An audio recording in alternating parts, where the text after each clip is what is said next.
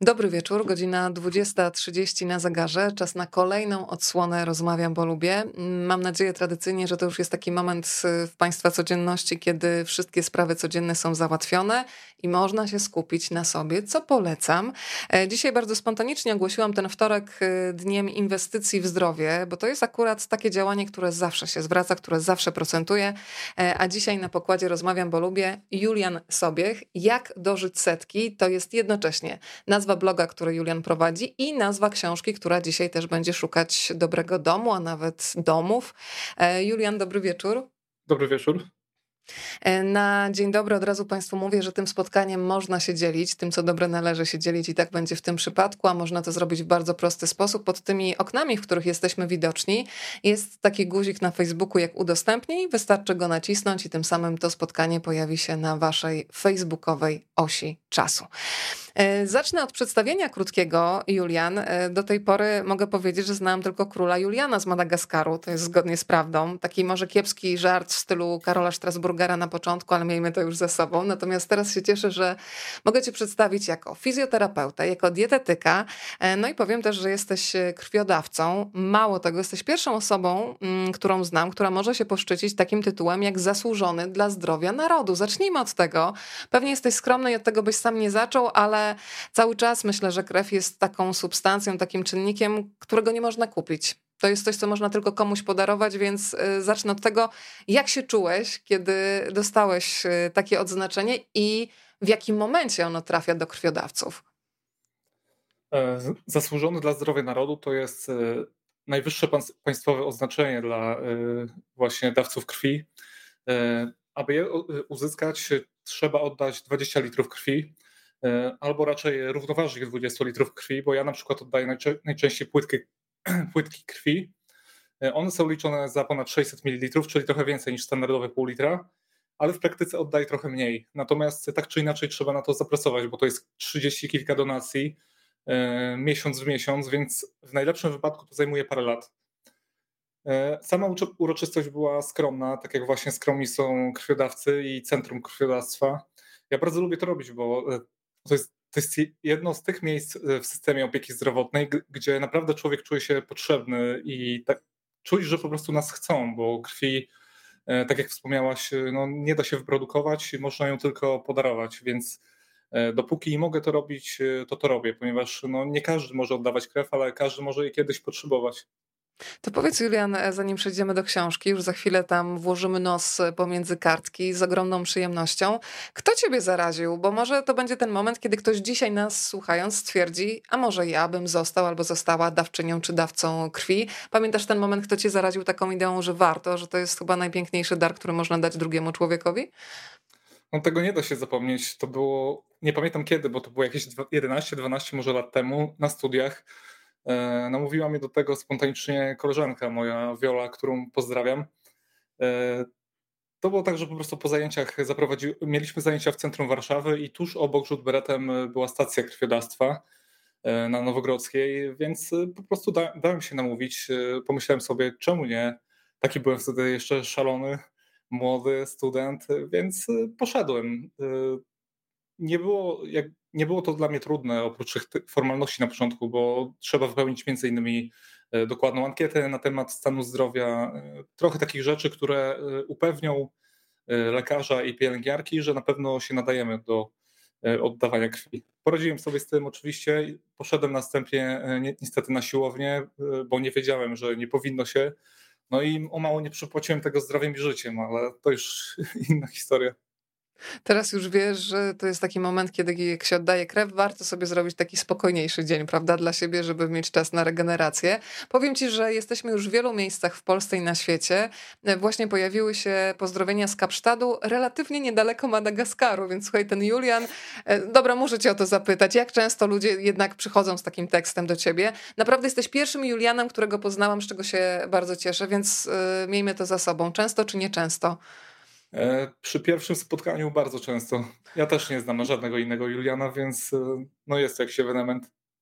Słuchaj, jesteśmy już w Jarocinie, w Amsterdamie, w Chrubieszowie, e, Warszawa Kabaty, tutaj bardzo dokładna lokalizacja została podana. Przed momentem e, Włocławek na pokładzie u nas dołączył, Poznań się kłania. Kolejne osoby dołączają, bardzo się cieszę, że Państwo są i przypominam, że można się tym spotkaniem e, dzielić. Wystarczy nacisnąć guzik udostępnij. Pani Magdaleno, dobry wieczór, Zagłębie Rury, także chcę żyć długo i zdrowo. I właśnie w tym celu się spotykamy. Powiem Ci, Julian, że po przeczytaniu Twojej książki z jeszcze większym szacunkiem spojrzałam na swój organizm, na całe ciało. Mm, pomyślałam sobie, nawet niedawno trafiłam na taki wiersz, wiersz Wisławy Szymborskiej do serca w niedzielę, gdzie jest właśnie taki fragment, że ona cały czas bez tych przerw weekendowych pracuje. Popatrzyłam na nogi, które niosą do tylu fajnych miejsc i pomyślałam, może byśmy tak dla odmiany zagrali w jednej drużynie, że ja jednak im no, stwarzam pewne problemy, e, pod górkę czasami mają przeze mnie, a warto byłoby ze sobą wspólnie działać. E, no to przybliżmy trochę historię Twojego bloga. Mm, tytuł, tak jak powiedziałam, e, taki sam jak tytuł książki, czyli Jak dożyć setki. Kiedy stwierdziłeś, żeby swoją wiedzę, swoje doświadczenie zacząć udostępniać w taki bardzo fajny sposób, czyli dane naukowe, które dla laików mogą być niezrozumiałe, przedstawiać w taki sposób, że one są od razu zapamiętywalne dla kogoś takiego jak ja, kto nie jest zanurzony na co dzień w medycynie. Mało tego, to są takie dane, które motywują faktycznie do wprowadzenia zmian. To krótka historia bloga na dzień dobry, na dobry wieczór. E, cała ta idea, jak dożyć setki, zaczęła się e, zaczęła kiełkować we mnie jeszcze wiele lat przed tym, gdy powstał blog, ponieważ właśnie jeszcze na studiach w okolicy tych czasów, kiedy zacząłem oddawać krew, e, prowadziłem na Facebooku fanpage, e, taki dla ćwiczących, powiedzmy, mężczyzn, kobiet. E, opisywałem tam bardzo podstawowe zagadnienia, ale to był czas, kiedy bardzo mocno fascynowałem się jakby rozwojem ciała pod tym kątem i trafiłem na kurs trenera personalnego, na którym jeden z wykładowców podał nam adres strony, na której właśnie w prosty sposób były podawane badania naukowe. Y, może nie tak jak u mnie, y, bardziej formalnie, bardziej naukowo, ale to był ten moment, kiedy zobaczyłem, że coś, co jest napisane takim hermetycznym, y, akademickim językiem, może zostać przedstawione dużo bardziej przystępnie. I ta idea we mnie kiełkowała przez kilka lat.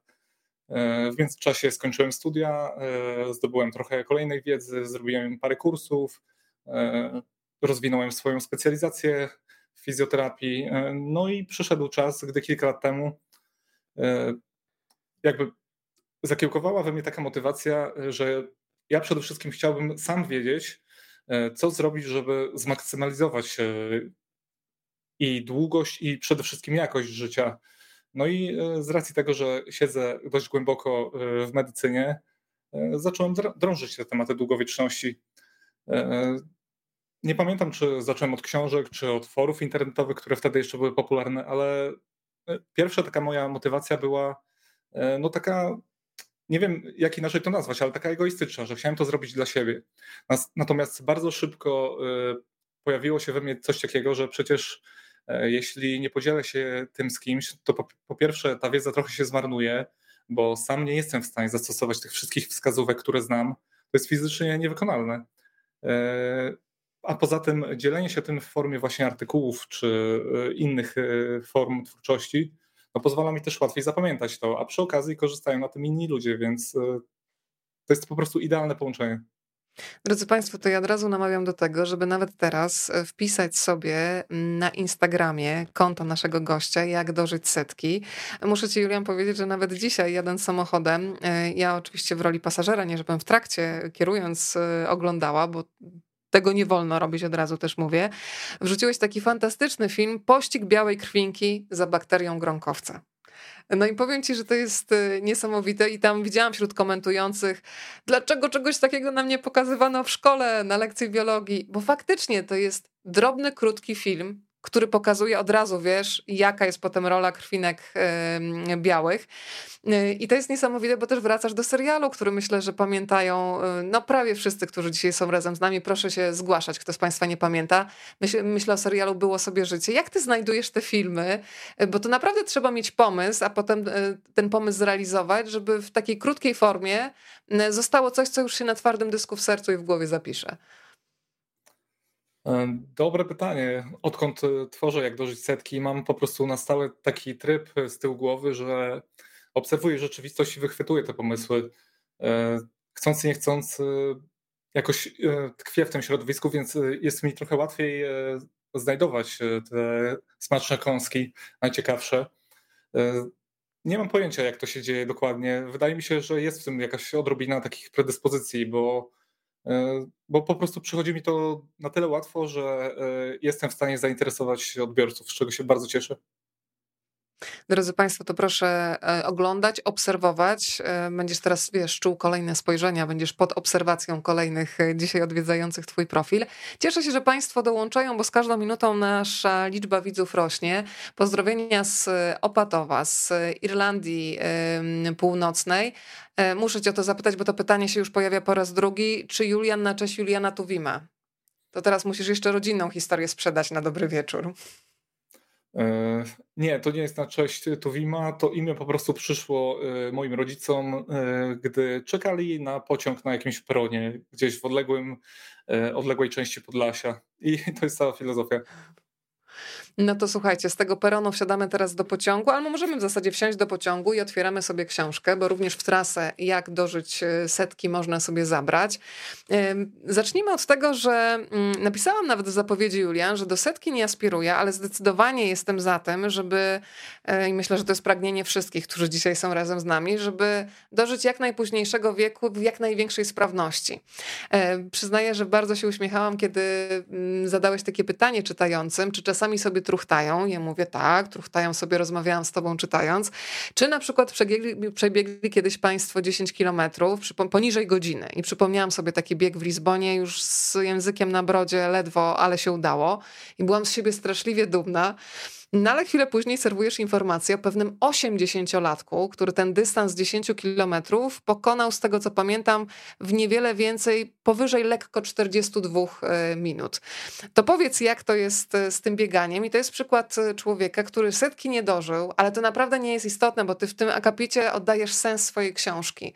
Chodzi, nie chodzi o to, żeby nabijać, że tutaj musimy dociągnąć do setki, niezależnie w jakim stanie, tylko musimy tak żyć, znaczy musimy, chcemy tak żyć, żeby to życie po prostu przynosiło jak najwięcej radości. Jak jest z tym bieganiem u ciebie? Najpierw tutaj odsłońmy kartę.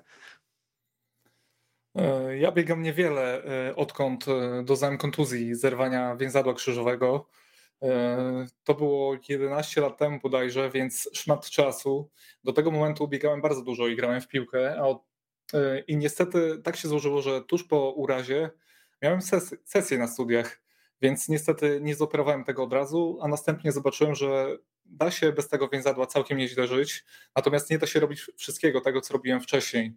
E, ja znalazłem swoją własną formułę, e, bo na przykład trening siłowy mogę wykonywać dalej w pełnym wymiarze, nie licząc tam niektórych ćwiczeń, powiedzmy, nie założę już 130 kg na barki, żeby zrobić przysiad, bo mógłbym stracić po prostu równowagę e, z tą osłabioną stabilizacją.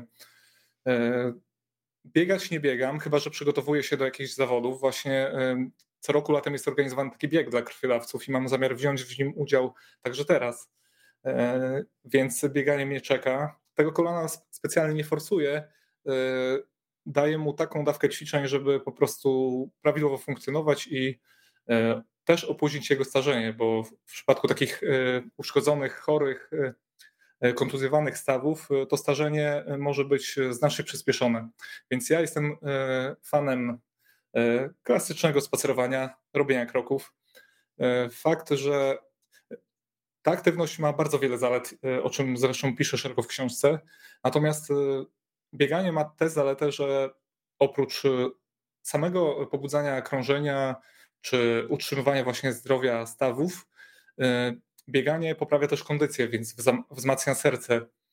No i tego trochę mi brakowało, dlatego dołożyłem do te, tego spacerowania treningi interwałowe raz w tygodniu, około 20 minut E, bardzo ciężkich ćwiczeń, które po prostu pompują mi krew, e, zmuszają serce do jak najszybciej pracy, jak najszybciej, jak najszybszej, przepraszam, pracy. E, I w ten sposób tak jakby składam sobie z innych klocków ten sam efekt, który dałoby mi bieganie. Ale powiedziałaś bardzo ważną rzecz i na to też zwracasz uwagę w swojej książce, jak dożyć y, setki, że to, co może być dobre dla kogoś innego, niekoniecznie będzie nam służyć.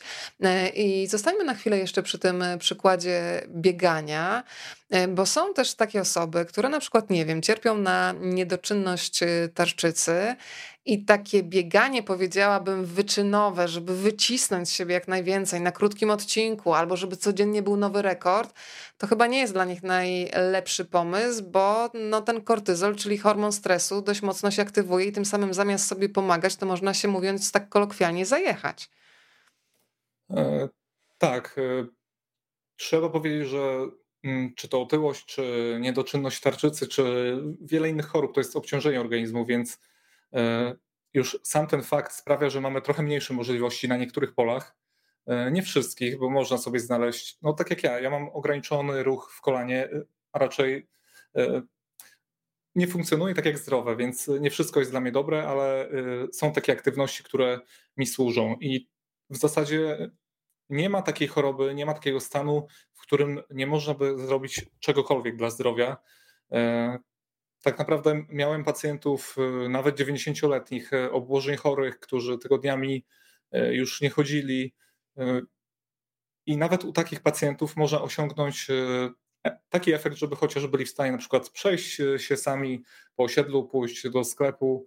E, I tu właśnie z pomocą przychodzi nam na przykład no, to zwykłe chodzenie plus elementy treningu siłowego. To jest moja pierwsza specjalizacja już na licencjacie. Napisałem pracę licencjacką na ten temat o treningu siłowym E, dla osób e, po 60 roku życia. I tak w skrócie ogólny wniosek jest taki, e, taki jak powiedziałem na początku, czyli nie ma żadnych przeciwwskazań przed tym, żeby aplikować jakąś dopasowaną do danego pacjenta czy danej osoby formę ruchu. Zawsze można coś znaleźć, coś, co nie tylko będzie służyło zdrowiu, ale też spodoba się danej osobie. Zwróciłam też y, uwagę w Twojej książce na to, że bardzo słusznie pokazujesz, że kiedy my słyszymy słowo geriatria, jako specjalizacja na przykład, sama się na tym złapałam, no to mam od razu takie automatyczne skojarzenie starość, umieranie.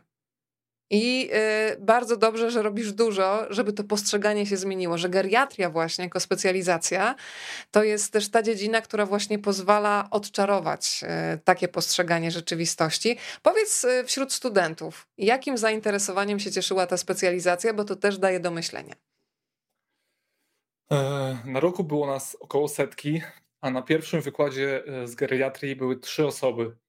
E, na kolejnych dwóch siedziałem już sam, a czwarte i kolejne już nigdy się nie odbyły, więc te zajęcia e, pobiły chyba rekord e, jakby antypatii wśród studentów.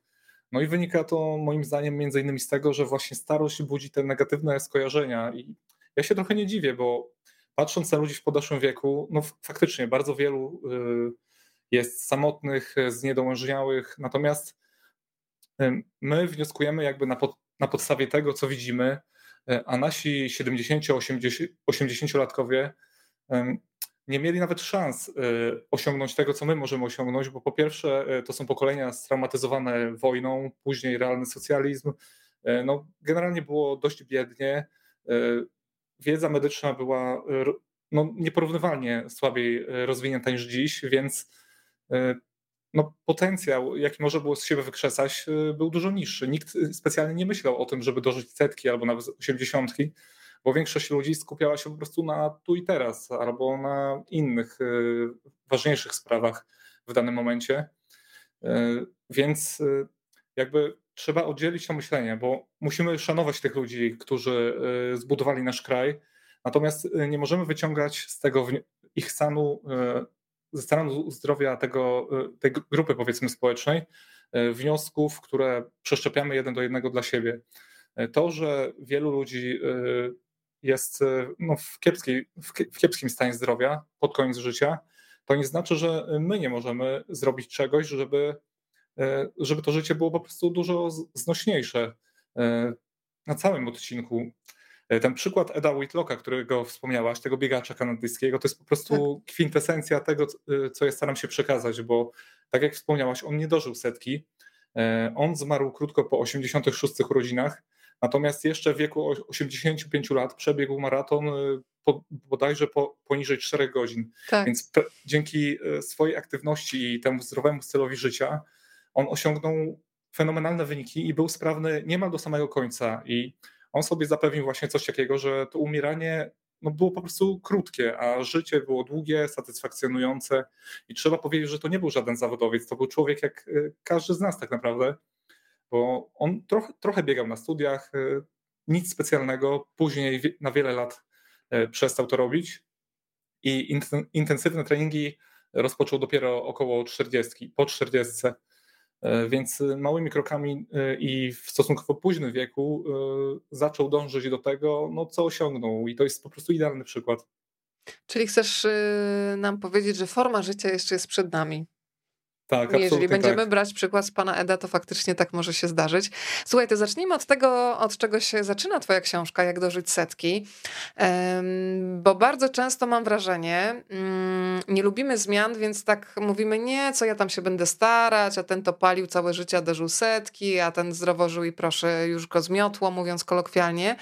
Mam wrażenie, że nie doceniamy tego, jak wiele możemy zrobić sami dla siebie i dane, które pokazujesz, przyznaję, że są czymś, co mobilizuje do tego, żeby jednak wziąć sprawy w swoje ręce. Zacznijmy od genów. Nazwijmy to mm, taką loterią genetyczną. No nie możemy sobie wybrać, e, co, co byśmy chcieli, tylko no, co nam przypadnie, to dostaniemy. Na ile na długość naszego życia, na stan zdrowia, na samopoczucie mają wpływ geny, mm, gdyby to tak procentowo podzielić, a na ile nasze działanie, środowisko, wychowanie możemy to jakoś przybliżyć? E, są e, bardzo dokładne badania na ten temat i e, wpływ genów na długość życia statystycznie wynosi między 20 a 40%. Oczywiście są od tego wyjątki, bo to jest spojrzenie szersze na całe społeczeństwo. Natomiast oczywiście mogą się zdarzyć takie przypadki i niestety się zdarzają, że ktoś na przykład kompletnie nie ze swojej winy zachoruje na coś, co uniemożliwi mu dożycie nawet dorosłości. Jest też możliwy oczywiście drugi e, przypadek w drugą stronę, czyli e, to, że niektórzy mają łatwiej już na starcie, bo e, długowieczność to jest cecha, która ma tendencję do kumulowania się w rodzinach i ta zależność jest najsilniejsza dla krewnych pierwszego stopnia, więc jeśli rodzice czy dziadkowie mocno przekroczyli długość, średnią długość życia w danym kraju, no to jest szansa, że dzieci, wnuki też mocno na tym skorzystają. Natomiast y, to jest trochę tak jak z rozkładem Gaussa, jest taka krzywa.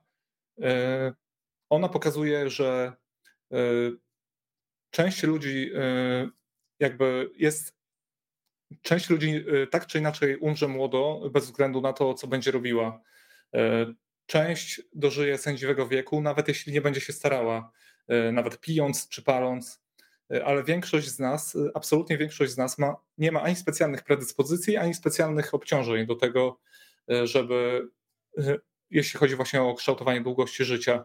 I problem jest taki, że my zawczasu nie bardzo wiemy, do której grupy należymy, więc warto żyć tak, jakbyśmy byli w tej największej grupie, która ma absolutnie znaczący wpływ na to, jak żyjemy, w jakim jesteśmy stanie zdrowia i jak długo żyjemy. To zajmijmy się takim rozdziałem, który bardzo lubię. To jest rozdział zatytułowany Spać. Jak dożyć setki? Spać, czyli sen teraz w centrum naszego zainteresowania.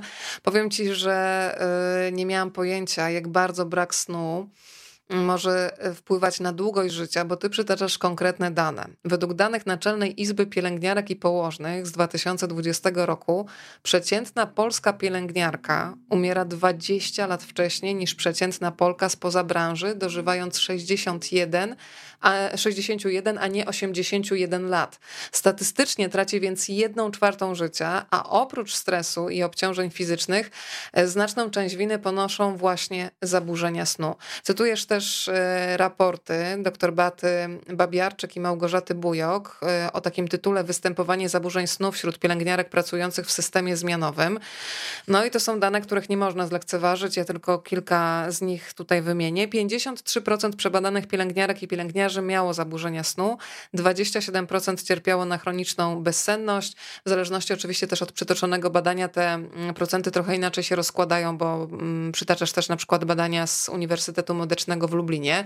Państwo mogą się z nimi dokładnie zapoznać dzięki książce Jak dożyć setki e, to porozmawiajmy może o tym systemie zmianowym, bo swoją drogą proszę nam dać znać, drodzy Państwo, czy ktoś z Państwa w takim systemie zmianowym pracuje, czyli raz wstaje na nockę, raz pracuje w ciągu dnia, bo to chyba mocno rozbija taki zegar biologiczny. Powiedz, jak ten sen jest istotny i czy, czy zdajemy sobie sprawę, jak bardzo?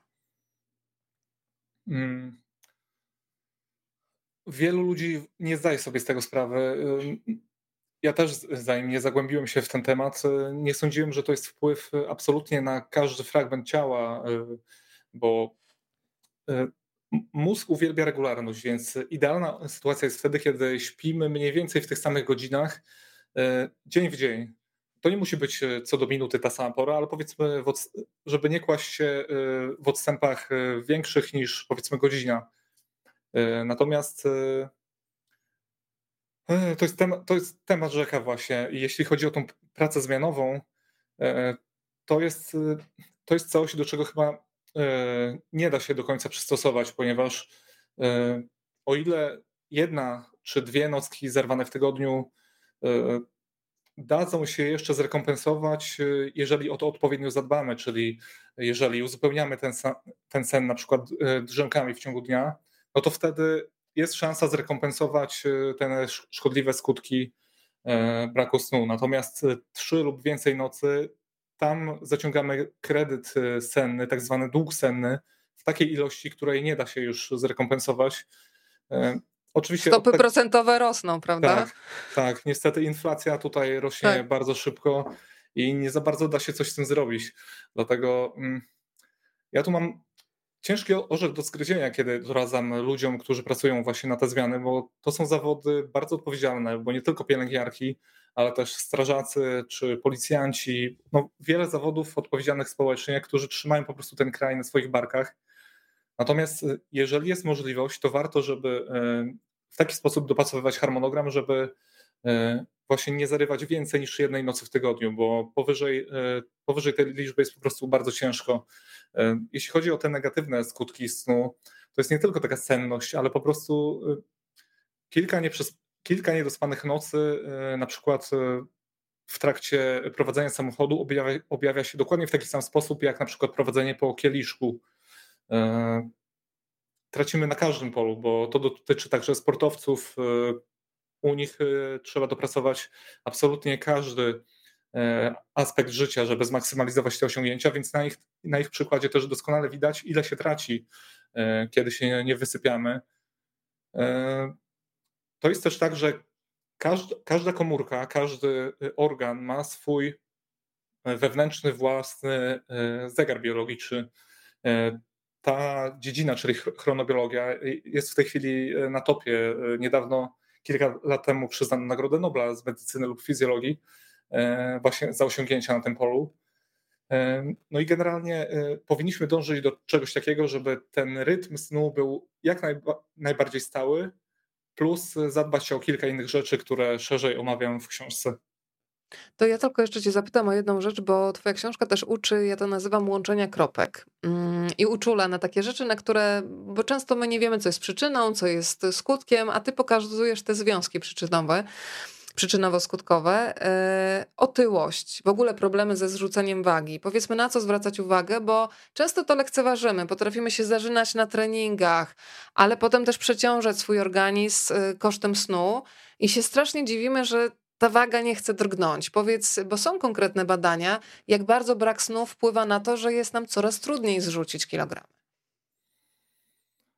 E, tak. Chroniczny e, niedobór snu to jest nie tylko podwyższony poziom kortyzolu, który utrudnia życie nie tylko osobom z nietoczynnością tarczycy, ale po prostu wszystkim, e, ale też zaburza e, działanie hormonów głodu i sytości, więc ktoś, kto się regularnie nie wysypia, dużo ciężej będzie mu się najeść, a także jakby w, jego mózg nie będzie do końca prawidłowo odbierał tego, że zjadł już na przykład obiad w takiej ilości, jaką powinien zjeść. E, może być tak, że e, hormony nam szaleją i po prostu robimy się głodni w momentach, w których nie powinniśmy się robić głodni, więc to jest no, ogromne utrudnienie. Plus im, im bardziej zarywamy sen, im bardziej skracamy ten, to, ten długość snu, tym dłużej jesteśmy na jawie, więc też tym więcej mamy okazji do tego, żeby jeść. A zmęczenie osłabia też silną wolę, co także wiemy z wielu różnych badań, także psychologicznych, więc e, nie dość, że e, mamy osłabioną silną wolę, e, to jeszcze właśnie, to jeszcze no, no szaleją nam po prostu hormony, więc robi się taki, taki miks i w, Takie i błędne mózgu... koło, z którego już tak, nie ma jak wyskoczyć, prawda? Tak, trzeba to w pewnym momencie przerwać. Najlepiej w porę, czyli zanim rozwinie się jakaś poważniejsza choroba, typu nawet otyłość, bo otyłość to też jest choroba, która skraca życie. E, pani Bata napisała coś, co pewnie każdy z nas też zna, że brak snu wywołuje u mnie agresję, mój system nerwowy wariuje. Faktycznie człowiek jest dużo bardziej rozdrażniony, kiedy tak. tych kilku godzin snu mu po prostu zabraknie. Mm, porozmawiamy trochę o badaniach, bo profilaktyka to też jest bardzo ważna rzecz, o której piszesz. E, I kiedy robimy takie podstawowe badania krwi, e, to czasami też jesteśmy zdziwieni, że na przykład jesteśmy bardzo, mówię teraz też o swoim przykładzie, bo dzisiaj się możemy dzielić doświadczeniami, Byłam non-stop zmęczona. Żelazo, świetne wyniki i nagle chyba dopiero przy piątej wizycie u któregoś specjalisty, gdzie już myślę, że podejrzewano mnie o hipochondrię, ktoś mówi, a niech pani zbada ferytynę. A ja mówię, a co to jest ferytyna w ogóle? To powiedzmy, czym jest ferytyna. I okazało się, że ten poziom ferytyny był tak niski, że wystarczyła trzymiesięczna suplementacja żelazem i ja nagle odzyskałam siłę i wigor i tylko Wystarczyło, że pojawił się jeden człowiek, który zadał to pytanie i ja dzięki temu poznałam ferytynę, więc może ktoś z Państwa dzisiaj też ją pozna dzięki Tobie. Powiedz, e, dlaczego warto na przykład ferytynę e, badać, kiedy ktoś jest na przykład non-stop zmęczony, jakiś taki, e, takie lelum polelum w człowieku jest? Mm. Badanie poziomu żelaza pokazuje, ile żelaza powiedzmy krąży we krwi. Natomiast ferytyna pokazuje, ile mamy zapasów w ciele zgromadzonych.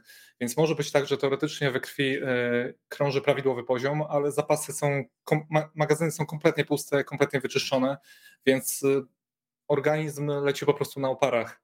E, a niedobór żelaza to jest jeden z takich, z takich niedoborów, które dają objawy tak zwane niespecyficzne, czyli pasujące do bardzo wielu różnych, różnych stanów. E, zmęczenie, brak energii, e, zadyszka, słaba kondycja, to nie są jakby, to są objawy, które nie pasują tylko do niedoboru e, żelaza, ale, ale jakby są sygnałem, że warto zbadać tę ferytynę. No jest to jeden z, naj, z najczęściej występujących niedoborów wśród Polek i Polaków, więc w, przypa w przypadku, gdy komuś chronicznie brakuje energii, ma krótki oddech, słabą kondycję, mało sił, ciężko mu się skupić, ciężko pracować, e, ciężko się uczyć, to wtedy zdecydowanie jest to wskazanie do tego, żeby e, przebadać sobie ferrytynę. Jak to takie fajne to jest to R też rozwibrowane, można łatwiej faktycznie zapamiętać. Ja pamiętam, że kiedy pani doktor zobaczyła moje badanie, to powiedziała, pani tu przyszła sama. Ja mówię, a jak, a pani ma siłę? Ja mówię, no, no muszę, bo wszyscy już mi tu podejrzewają, że ściemniam. No i faktycznie wystarczyło. Zresztą pani Iwona też napisała, że właśnie skończyła kurację z żelazem, bardzo duża zmiana. Oczywiście od razu mówimy, że przyczyn y, takiego samopoczucia osłabienia może być mnóstwo innych, więc to jest tylko jeden z wielu tropów. Pojawiły się już pierwsze pytania, więc od razu ci je Julian mm, przekazuje. Od pani Małgosi odnośnie snu. Słyszałam kiedyś opinię mm, naukowca, że dorosłej osobie wystarczają 3-4 godziny snu. Ja też tak mam i jestem bardzo energiczna. Tak funkcjonowałam przez wiele lat. E, każdy według potrzeb. Co pan o tym myśli? E, w tym przypadku nauka jest dość elastyczna, bo o ile sypianie powyżej 10 godzin, jeżeli nie jesteśmy chronicznie zmęczeni, na przykład tak jak piłkarze czy e, strażacy po akcji czy po meczu, to spanie powyżej 10 godzin świadczy niemal ze stuprocentową pewnością o tym, że coś dzieje się nie tak. Natomiast y, w tę drugą stronę, y, no tutaj, tutaj mamy większą elastyczność. Optymalnie dla większości ludzi jest spać między 6 a 9 godzin, ale to jest statystyka i życie pokazuje i praktyka, że jest też wiele osób, które faktycznie śpi po 4, 5, 6 godzin i no, trudno przypuszczać, żeby nie wiedzieli, że się wysypiają. Skoro tak czują, to najprawdopodobniej tak jest, a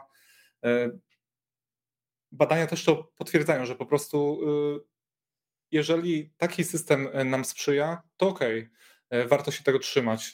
I tutaj jest właśnie ciekawostka, bo niektórzy ludzie eksperymentują z tak zwanym snem polifazowym, czyli nierealizowanym w takiej jednej racie, jak w nocy, ale na przykład 6 razy dziennie po pół godziny. I oni też sypiają po 3 godziny. Jest to oczywiście uciążliwe, bo bardzo ciężko się przystosować do życia w takim trybie. Gdyby wszyscy w ten sposób funkcjonowali, to ok, ale no, nie, nie da się tak pracować, nie da się tak żyć. Więc takich ludzi jest bardzo mało i są to pionierzy, eksperymentatorzy. Natomiast wszystko wskazuje na to, że w pewnych okolicznościach e, niewielka ilość snu może nam wystarczyć. Natomiast e, tak jak właśnie e, pani, która zadała pytanie, bodajże pani Iwona, tak jak zauważyła, każdemu według potrzeb. Jestem w stanie zgodzić się, że poza niektórymi wyjątkami, kiedy oszukujemy się, na przykład jedziemy na kofeinie non-stop, to można przy mniejszej niż statystyczna ilość snu nie tracić jakby na zdrowiu. E, to pierwsze pytanie za nami. Teraz pytanie z Londynu od Piotrka. Mówi Pan o dopasowaniu. To jeszcze mm, pytanie, które się pojawiło, kiedy mówiliśmy o tych rodzajach aktywności sportowej. Czy człowiek jest w stanie sam sobie dopasować aktywności, czy też konieczna jest pomoc specjalisty? Innymi słowy, czy ciało samo nam podpowie, co mu służy, a co może zaszkodzić? E, ja tu zostawiam zazwyczaj e, moim rozmówcom, pacjentom szerokie pole do podpisu, bo tak naprawdę każdy każdy dorosły człowiek mniej więcej wie, czy cokolwiek mu sprawiał przyjemność, na przykład na WF-ie albo na zajęciach. Jeżeli ktoś nie ma takiej e, aktywności, no to spokojnie może próbować e, e, testować tą metodą prób i błędów. Specjalista może oczywiście pomóc, natomiast to nie jest jakby nie ma jednej aktywności, która jest idealna, bo tak naprawdę takich rodzajów ruchu jest bardzo wiele. Na przykład ja uwielbiam trening siłowy i jestem absolutnie przekonany, że będę to robił do końca życia, e, dopóki tylko będę w stanie.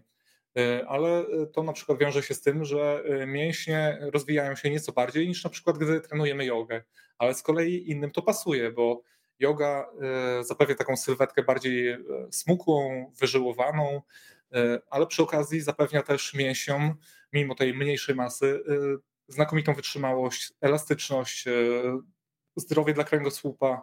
I takich aktywności jest bardzo wiele, bo tak samo Pilates czy e, kontrowersyjny ze względów obyczajowych e, według niektórych ludzi pole dance czy... E, Uśmiecham się od czy, razu, czy, według niektórych. No, jest też no dużo no tak, fanów. Tak. Ostatnio Oczywiście. spotkałem się też z grupą mężczyzn, którzy to uprawiają jako po prostu jako po prostu sport, zwykły sport. Dokładnie. Nie po to, żeby performować, ale po to, żeby się wzmocnić, bo... Nawet niech performują, jeśli się przy tym świetnie bawią, prawda? Pozwólmy ludziom żyć tak jak chcą. Tak. No jest wiele sportów. Wspinaczka, yy, popularny ostatnio Ninja Warrior, yy, jest tego bardzo wiele, więc specjalista może tutaj oczywiście pomóc i doradzić. Yy, zwłaszcza jeżeli w ciele występują jakieś problemy, bo jeśli ktoś boryka się z jakąś kontuzją, na przykład E, kręgosłupa albo jakiegoś stawu konkretnego, no to wtedy warto, warto zasięgnąć porady, nawet na takiej jednej wizycie, bo taka konsultacja powinna wystarczyć, e, tak dla bezpieczeństwa, ale w większości przypadków człowiek sam jest w stanie e, wymyślić, znaleźć tą, tą swoją ulubioną aktywność. E, bardzo Ci też dziękuję, Julian, że na swojej stronie, mm, na Instagramie czy na Facebooku pokazujesz, że czasami mm, to, jak wygląda nasze ciało, naprawdę nie jest y, efektem tego, czy my o siebie dbamy, czy nie, czy biegamy. Pamiętam twój taki post, między innymi e, mm, cudzysłów tutaj oczywiście, grube nogi, prawda? Wiele młodych kobiet, to jest ich zmora przez wiele lat, nawet myślę, że od podstawówki, liceum, kiedy ćwiczą, chodzą na zajęcia, a te nogi są non-stop opuchnięte. Powiedzmy może, bo może ktoś, ja mam wrażenie, że twój profil w ogóle tak działa, że często ludzie potrafią mm, miesiącami, a nawet latami niestety chodzić po różnych lekarzach, różnych specjalności i pewne rzeczy są niestety przeoczane. Mm, a tutaj taka jedna informacja czasami może być takim punktem zapalnym. O, a może to jest to, to pójdę do flebologa i wtedy już trafiamy od razu do tego lekarza, do którego powinniśmy trafić. To zajawmy może tylko trochę y, jeden z tych tematów, który można znaleźć u ciebie, ale myślę, że taki budzący, a może to o mnie chodzi, prawda? E, tak, ta choroba, bo to jest choroba, o której mówisz, nazywa się lipodemia i objawia się tym, że e, nogi e, w ogromnej przypadku w większości pacjentka, pacjentkami są kobiety, że nogi są nieproporcjonalnie masywne do górnej części ciała. I to wynika właśnie nie z tego, że ktoś jest otyły, choć otyłość może pogorszyć stan, ale nie musi się z tym wiązać. Natomiast to jest obrzęk limfatyczny, to jest specyficzny rodzaj tkanki tłuszczowej, która nie da się spalić samą dietą, nie da się spalić e, ruchem i tam trzeba zastosować właśnie leczenie u flebologa, czyli u tak, tak zwanego lekarza od żył. E, no i to jest e, właśnie tak jak mówisz, zmora wielu kobiet, ponieważ one nie wiedzą, co się dzieje, nie wiedzą, dlaczego wszystko robią dobrze, a tak naprawdę ten tłuszcz nie chce zejść. I to potrafi odmienić życie, bo to jest trudne do wyleczenia, ale w wielu przypadkach można ten efekt e, no, jakoś okiełznać do takiego stopnia, żeby te nogi nie wyglądały po prostu, żeby to nie była tak zwana słoniowacizna, że ten tłuszcz po prostu e, patologiczna tkanka tłuszczowa, żeby to się po prostu tak e, formowało w takie, w takie wielkie zbite masy, tylko po prostu, żeby poprawić krążenie, zbudować też prawidłowe nawyki, bo oczywiście one też pomagają już samo chodzenie, spacerowanie poprawia krążenie krwi w nogach. E, więc tak, to, taka diagnoza może odmienić życie, no ale to nie jest coś, o czym się powszechnie mówi, o czym się powszechnie słyszy. Więc jeżeli e, dzięki mnie ktoś jest w stanie jakby zdiagnozować to u siebie, pójść dzięki temu do specjalisty, który to potwierdzi, no to ja się tylko cieszę. Tak, wielki ukłon i wielkie podziękowania myślę od wielu osób y, za tą pracę, którą y, wykonujesz. Nie tylko fizjoterapeuty i dietetyka, ale też popularyzatora y, wiedzy. Tym bardziej, że tak jak mówimy, z jednej strony to jest oczywiście coś, co przeszkadza kobietom czysto wizualnie, ale to też jest bardzo bolesne, prawda, o czym piszesz, że zwykły dotyk, który na innej tak. osobie nie robi w ogóle wrażenia, tutaj dotyk nogi i, i, i kobieta po prostu reaguje tak, jakby ktoś ją uderzył wręcz w tą, e, w tą nogę. E, drodzy Państwo, mnóstwo pytań się pojawia, już zaraz będę je przekazywać. Zatrzymam się jeszcze przy takim temacie, który mnie bardzo interesuje, myślę, że Państwa również. Piszesz między innymi o e, konieczności suplementacji w wielu wypadkach, witamina D na przykład. Cały rozdział Państwo mają na ten temat. Okazuje się, że zdecydowana większość z nas takiej suplementacji potrzebuje. Ale ja trochę rozszerzę temat, bo kiedy się wchodzi na konta instagramowe różnego rodzaju influencerów, celebrytów, Wszędzie teraz widać kolagen, który należy pić. I zastanawiam się, Julian, czy to działa, czy to się syntetyzuje? E, jak w ogóle jest z suplementami? Jeżeli się suplementować, czy tylko i wyłącznie idziemy do apteki i kupujemy coś, co jest dokładnie przebadane, czy są w ogóle jakieś procedury, które sprawdzają, na ile to, co producent, rzeczy, które możemy kupić w drogerii, w kiosku, no wszędzie, w internecie teraz, na ile w ogóle te suplementy robione no nie, nie, które nie są produktami aptecznymi, są pod jakąkolwiek kontrolą, bo yy, no to jest jakiś szał teraz na, na suplementy, kolageny, więc mogę, to skorzystam i zapytam, jak to jest z ich wiarygodnością i z tym, czy one działają. No, kolagen to jest kontrowersyjna kwestia od lat. Jeszcze parę lat temu dominował taki pogląd, że ta, ta suplementacja w ogóle nie działa. Kolagen to jest białko, jakich wiele w organizmie. E, on odpowiada e, między innymi za, e, za kości, za, za skórę, za budowę ścian, naczyń krwionośnych, więc jest bardzo istotny dla zdrowia, ale w takim kontekście popularnym najczęściej funkcjonuje jako coś, co jest potrzebne, żeby na przykład nie mieć zmarszczek. No i tutaj jakby najbardziej, bo to, to prawda, że organizm, organizm potrafi syntetyzować kolagen, potrafi sam go produkować, natomiast mniej więcej po 30 roku życia ta produkcja e, zwalnia tempo i spada. No i e, na tej bazie wielu reklamodawców buduje swój przekaz, że w takim razie najbardziej logicznym rozwiązaniem jest suplementacja. Natomiast badania, różne badania dają sprzeczne wyniki. Ostatnio dominuje trend, że jednak ta suplementacja jest w pewnym stopniu skuteczna, to znaczy E, potrafi w widocznym stopniu po kilku miesiącach suplementacji kolagenu w niewielkich dawkach, e, na przykład kilka gramów dziennie, nie wiem, 3-5 gramów dziennie, potrafi e, poprawić jakość skóry. No ja się nie kłócę z badaniami, to nie jest też moja specjalizacja, bo ja się nie zajmuję jakby tą estetyczną stroną starości, choć fakt, że jeżeli robi się to, co, co ja zalecam w książce, przynajmniej w części, to skóra jest zdrowsza, Natomiast suplementacja kolagenem jest też stosunkowo niegroźna, bo to nie jest jakiś mocny środek. Kolagen to jest coś, co zjadamy też w produktach, nie wiem, mięsnych, jego składowe, bo kolagen to jest białko, czyli to jest taka powiedzmy duża budowla jak z klocków Lego i on się składa z mniejszych klocków, czyli aminokwasów. I problem jest taki, że kiedy kolagen trafia do, do organizmu, do przewodu pokarmowego, to on zostaje strawiony, więc pocięty na małe kawałki, więc te klocki niekoniecznie trafiają tam, gdzie chcemy, ale trafiają tam, gdzie organizm ich w danym momencie potrzebuje. Więc to nie jest tak, że jeżeli przyjmujemy kolagen, to on cały od razu trafia na skórę albo do stawów, które chcemy konkretnie wzmocnić, E, więc taka suplementacja jest dość nieefektywna, właśnie patrząc e, w ten sposób, że niewielka część dociera tam, gdzie chcemy. Natomiast badania wskazują właśnie, tak jak mówię, że prawdopodobnie jakiś efekt jest, a z racji tego, że to nie jest zbyt, zbyt ryzykowne, taka suplementacja, to no, ja nie zabraniam tego po prostu moim rozmówcom.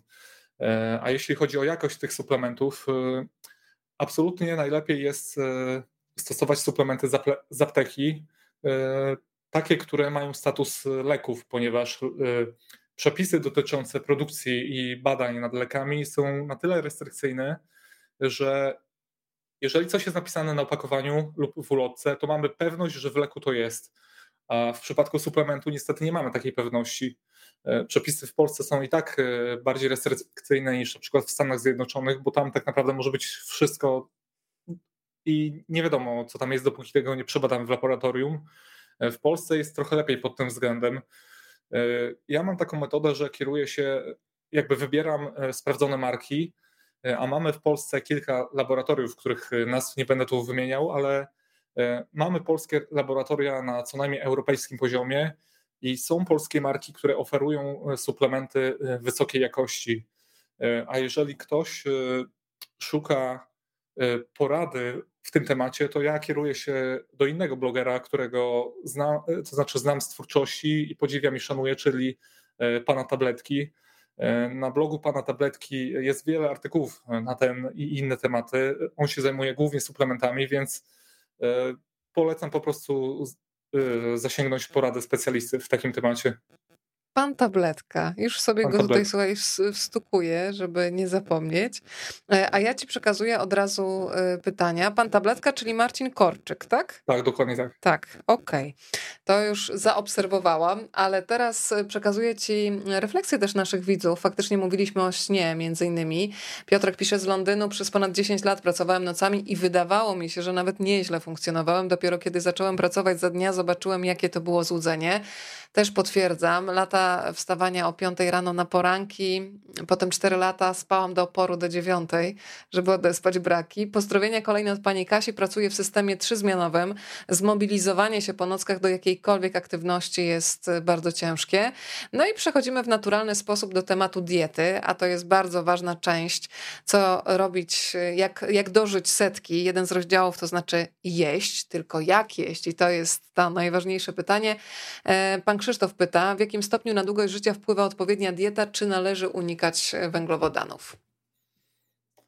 E, z ludzkim ciałem jest tak, że ono starzeje się tak naprawdę już od urodzenia i e, w momencie, kiedy przychodzimy na świat, e, niektóre komórki zdążą już w nas umrzeć, więc tutaj wymiana trwa non-stop, a jedynym źródłem budulca do tego, żeby te komórki budować, regenerować, jest właśnie jedzenie. Więc jedzenie jest absolutnie kluczowe do tego, żeby żyć długo i zdrowo. E, co jeść? E, pan pytał o węglowodany, czy należy ich unikać? Niekoniecznie. Ja e, jestem przeciw skrajnościom, to znaczy, jeżeli chodzi o same węglowodany, to mm, to jest przypadek diety ketogenicznej, czyli e, pozbawionej właśnie węglowodanów lub e, ograniczającej je do ilości mniej więcej 50 gramów, poniżej 50 gramów na dobę.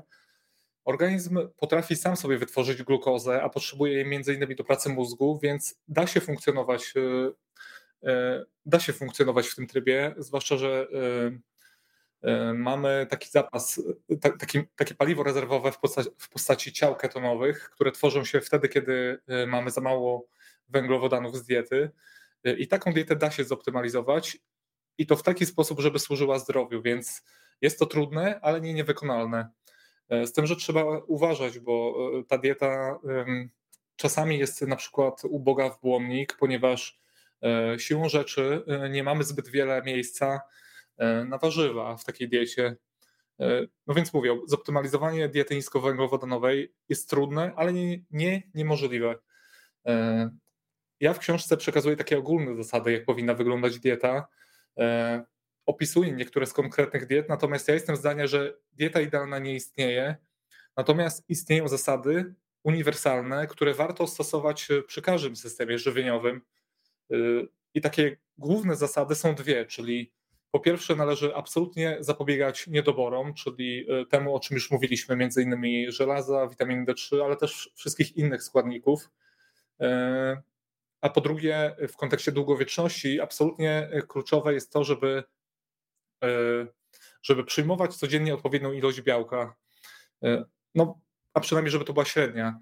E, ja podaję konkretne liczby, czyli żeby to było nie mniej niż 1,2 grama na kilogram masy ciała, czyli na przykład kobieta o wadze 50 kg powinna jeść co najmniej 60 gramów białka e, w ciągu doby.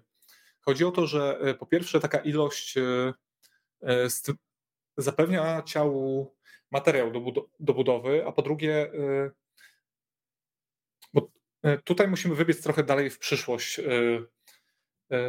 ja przekazuję taką ideę, że e, staramy się jak najbardziej spowolnić starzenie, ale też chodzi o to, żeby jak najdłużej zachować sprawność. A sprawność polega nie tylko na tym, żeby mieć sprawne stawy i mięśnie, ale też, żeby e, w ogóle je mieć. A bez białka to jest, to jest po prostu niemożliwe.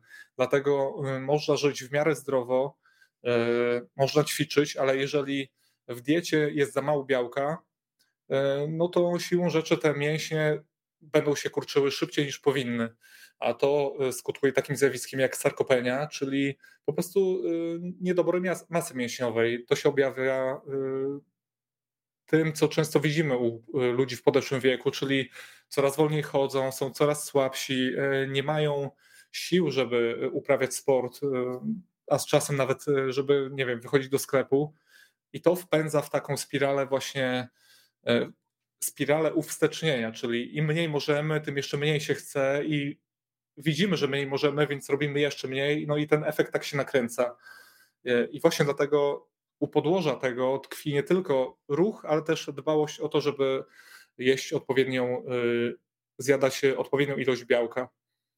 No tych zasad jest więcej, ja je oczywiście opisuję w książce, więc polecam lekturę, e, natomiast to tak w dużym skrócie. E, pani Monika napisała, że jej babcia Weronika skończyła w lutym 101 lat. E, to Monika, jeżeli się możesz podzielić, jak obserwujesz babcię, co jest sekretem jej długowieczności, to myślę, że wszyscy jesteśmy bardzo ciekawi. Napisz proszę. Pani Ula napisała, nasz profesor na wykładach zawsze powtarzał, że tłuszcze spalają się w ogniu węglowodanów, ale ładne to, e, muszę Państwu powiedzieć. Profesor poeta komentuje Piotrek od razu. No i widzę, że budzi się w państwa, u Państwa taka dziecięca wręcz ciekawość. Eryk z Kapsztadu daje ci trudne zadanie, ale tak jak dzieciak nie odpuszcza. No właśnie, czy potrafi pan w prosty sposób wytłumaczyć, dlaczego ciało się starzeje? Nawet jeżeli będziemy zdrowo się odżywiać, prowadzić aktywny tryb życia codziennie, spać tyle, ile trzeba, to i tak nasze ciało będzie się starzeć. Dlaczego? Uśmiech oczywiście tutaj z przymrużeniem oka to pytanie. No ale to wiesz, co mnie tak zaniepokoiło, że tam chyba nie wiem, czy dobrze pamiętam, ale że e, mózg się nam już kurczy w zasadzie po 30 i tam kilku takich y, trochę tam ubywa, nie? Z każdym rokiem.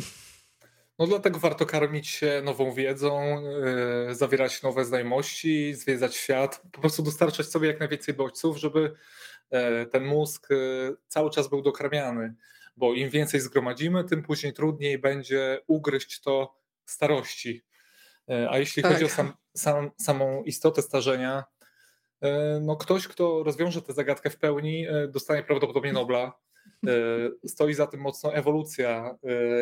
No jedna z takich popularniejszych teorii mówi o tym, że właśnie gdyby, gdyby gdybyśmy byli nieśmiertelni, no to utrwalałyby się też różne wady i tak dalej, więc no siłą rzeczy musimy umierać, żeby, żeby jakby zapewnić zapewnić po prostu rozwój gatunku w dużym skrócie. Natomiast do mnie przemawia taka teoria, którą forsuje David Sinclair, to jest profesor genetyki z Harvardu. On ukuł taką informacyjną teorię starzenia i chodzi w niej w dużym skrócie o to, że z wiekiem coraz bardziej słabną nasze mechanizmy naprawy DNA, bo to jest coś.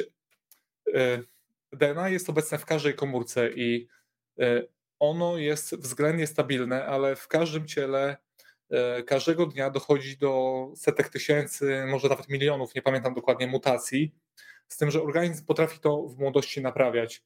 I problem w tym, że na starość te e, tempo tych, e, tempo tych napraw maleje i właśnie całe sedno, całe sedno w tym, żeby powstrzymać ten spadek i żeby zachować, zachować enzymy, które potrafią naprawiać DNA, żeby zapobiegać tej utracie informacji genetycznej. I dzięki temu nasze komórki potencjalnie, oczywiście, według tej teorii, e, będą w stanie pamiętać, do czego służą, bo z wiekiem jest tym coraz gorzej. E, z wiekiem tracą swoją funkcję, działają coraz gorzej.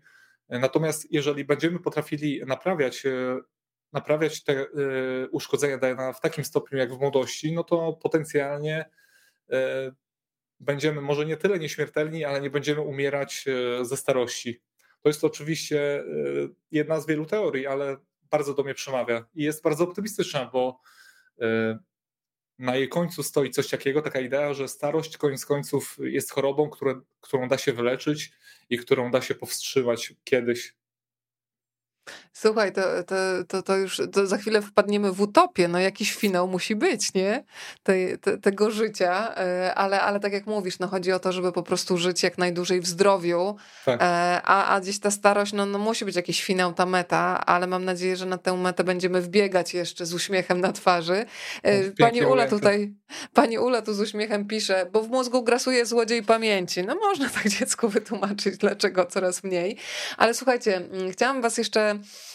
zapytać, bo tutaj Państwo pytają, już za chwilę przekazuję kolejne pytanie od pani Małgosi, do której się uśmiecham. Od razu zobaczyłam jej uśmiech w nysie, bo miałyśmy okazję się akurat poznać. E, ale chciałabym jeszcze mm, powiedzieć o jednym badaniu, które opisujesz i takich badań, eksperymentów w książce Jak dożyć setki Państwo znajdą mnóstwo, bo ono pokazuje, że jednak ciało czasami podąża za głową i jak ta głowa jest sprawna, jest w niej chęć życia, to naprawdę sporo może się zmienić. E, wspomnij przynajmniej podsyć apetyt Julian na mm, opowieść o takim eksperymencie, który przenosił zainteresowanych teoretycznie do roku 1959. Co to był za pomysł? E, gdzie będziesz chciał, to się zatrzymaj, bo Państwo mogą doczytać ciąg dalszy w książce, ale przyznaję, że to mi dało do myślenia, jak dużo jednak zależy od głowy.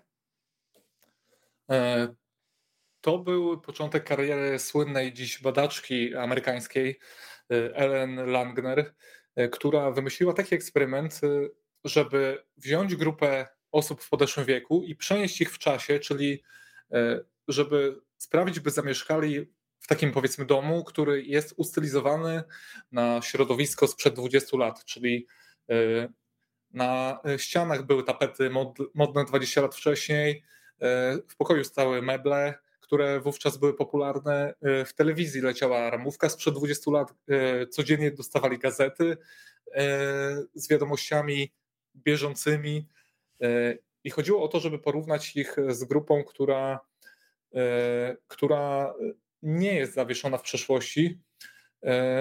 No i efekty są bardzo ciekawe. Nie chciałbym właśnie zdradzać wszystkiego, Jasne. bo polecam do, doczytać książkę. Tak. Natomiast tak. wniosek jest taki, że ciało podąża za umysłem w bardzo dużym stopniu, więc e, to się wiąże też z taką kwestią, że z kwestią stresu, z, kwestią przekonań. E, jest takie badanie, które mówi, że osoby, które mają bardzo negatywne e, skojarzenia na temat starości, właśnie, że to jest samotność, niedołęstwo, brak po prostu już sensu w życiu, takie osoby średnio żyją o 7,5 roku krócej, więc E, to jest konkretna ma, różnica. Tak. Nastawienie ma znaczenie, co zresztą wiemy też z medycyny, bo dużo łatwiej wyleczyć pacjenta, który, e, który ma siłę do walki, e, ponieważ jakby ten efekt pokrewny do efektu placebo zaprzęga na swoją korzyść. To w zasadzie już Julian prawie odpowiedział na pytanie e, Małgosi, czy radość z życia może pomóc e, dożyć e, setki, więc tutaj widzę, że mamy myślenie równoległe. Jest pytanie jeszcze od pani Ewy. Kiedyś jeden z lekarzy powiedział mi, że mój organizm ma sam przepis na długowieczność. Mam temperaturę około 35,6 oraz niskie ciśnienie. Czy pan uzasadnia tę teorię? No chyba faktycznie, gdybyśmy mieli Julian wybierać, czy lepiej mieć niższe, czy wysokie, to to niższe teoretycznie sprzyja temu, żeby, e, chciałam powiedzieć kolokwialnie, dłużej pociągnąć, no to już użyję tego sformułowania. No to mówiąc e, dalej kolokwialnie, organizm hmm. trochę wolniej się zużywa e, przy takiej konfiguracji. No oczywiście statystycznie, bo każde ciało da się zajechać, ale tak. no tak, z dwojga skrajności lepiej mieć za hmm. niskie ciśnienie i niską temperaturę niż na przykład nadczynność tarczycy, więc może to być sprzyjające, tak. E, słuchaj, pojawia się takie pytanie, które mi przypomina trochę pytania, które mm, przychodzą czasami do radia. E, panie redaktor, panie redaktorze, tam była taka piosenka z refrenem na na na na na. Czy pan mi odpowie, o jaką chodzi? Odpowiedź jest trudna, więc to będzie podobne pytanie, bo y, Odpowiedzi może być mnóstwo, tak jak teraz. Na ja piszę, pozdrawiamy i dziękujemy za obecność. Co na moje strzelające kolana powinnam dostarczyć organizmowi? I teraz fizjoterapeuta powie nam w dużym skrócie, co może odpowiadać za strzelające kolana, bo domyślam się, że tak jak tych piosenek e, w radiowym pytaniu odpowiedzi może być mnóstwo, tak samo tutaj no trochę możliwości chyba jest. No mnie na przykład strzelają e, kostki w stawach skokowych i nikt nie wie dlaczego. Ja sam nie wiem, bo, bo po prostu nie znalazłem przyczyny. Natomiast e, w stawach, jak mówi jedna z teorii, chyba taka, do której najbardziej się skłaniam, w stawach co kilkanaście, kilkadziesiąt minut gromadzi się dwutlenek węgla. Stąd y, są możliwe takie strzały właśnie, które często wykonuje się na palcach u rąk. Y, I to jest normalne, to jest zupełnie niegroźne zjawisko, więc jeżeli y, strzelają co kilkadziesiąt powiedzmy minut, to nie przejmowałbym się tym specjalnie.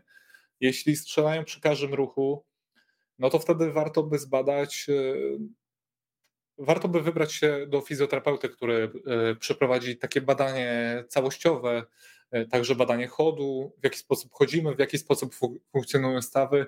Może być na przykład coś takiego, że e, nie wiem, jakieś struktury ocierają od siebie albo no, są ułożone w nieoczywisty sposób, bo każdy z nas ma jakieś warianty anatomiczne, na przykład jakiś mięsień biegnie trochę inaczej, mimo że ma te same przyczepy, albo albo w ogóle niektórzy mają mięśnie, których inni nie mają, e, więc to trzeba rozpatrzeć indywidualnie. Natomiast w ciemno nie brałbym żadnych suplementów, e, tylko w pierwszej kolejności e, jakby zajął się tą sprawą mechanicznie, czyli poszedł po prostu do specjalisty od stawów, czyli ortopedy albo fizjoterapeuty. Przy czym w tym przypadku raczej skłaniałbym się ku fizjoterapeutom, bo po prostu mają jakby więcej takiej praktyki ja nie odmawiam oczywiście ortopedom wiedzy i praktyki, ale e, fizjoterapia to jest taka nauka czysto praktyczna, więc e, tego bym próbował w pierwszej kolejności.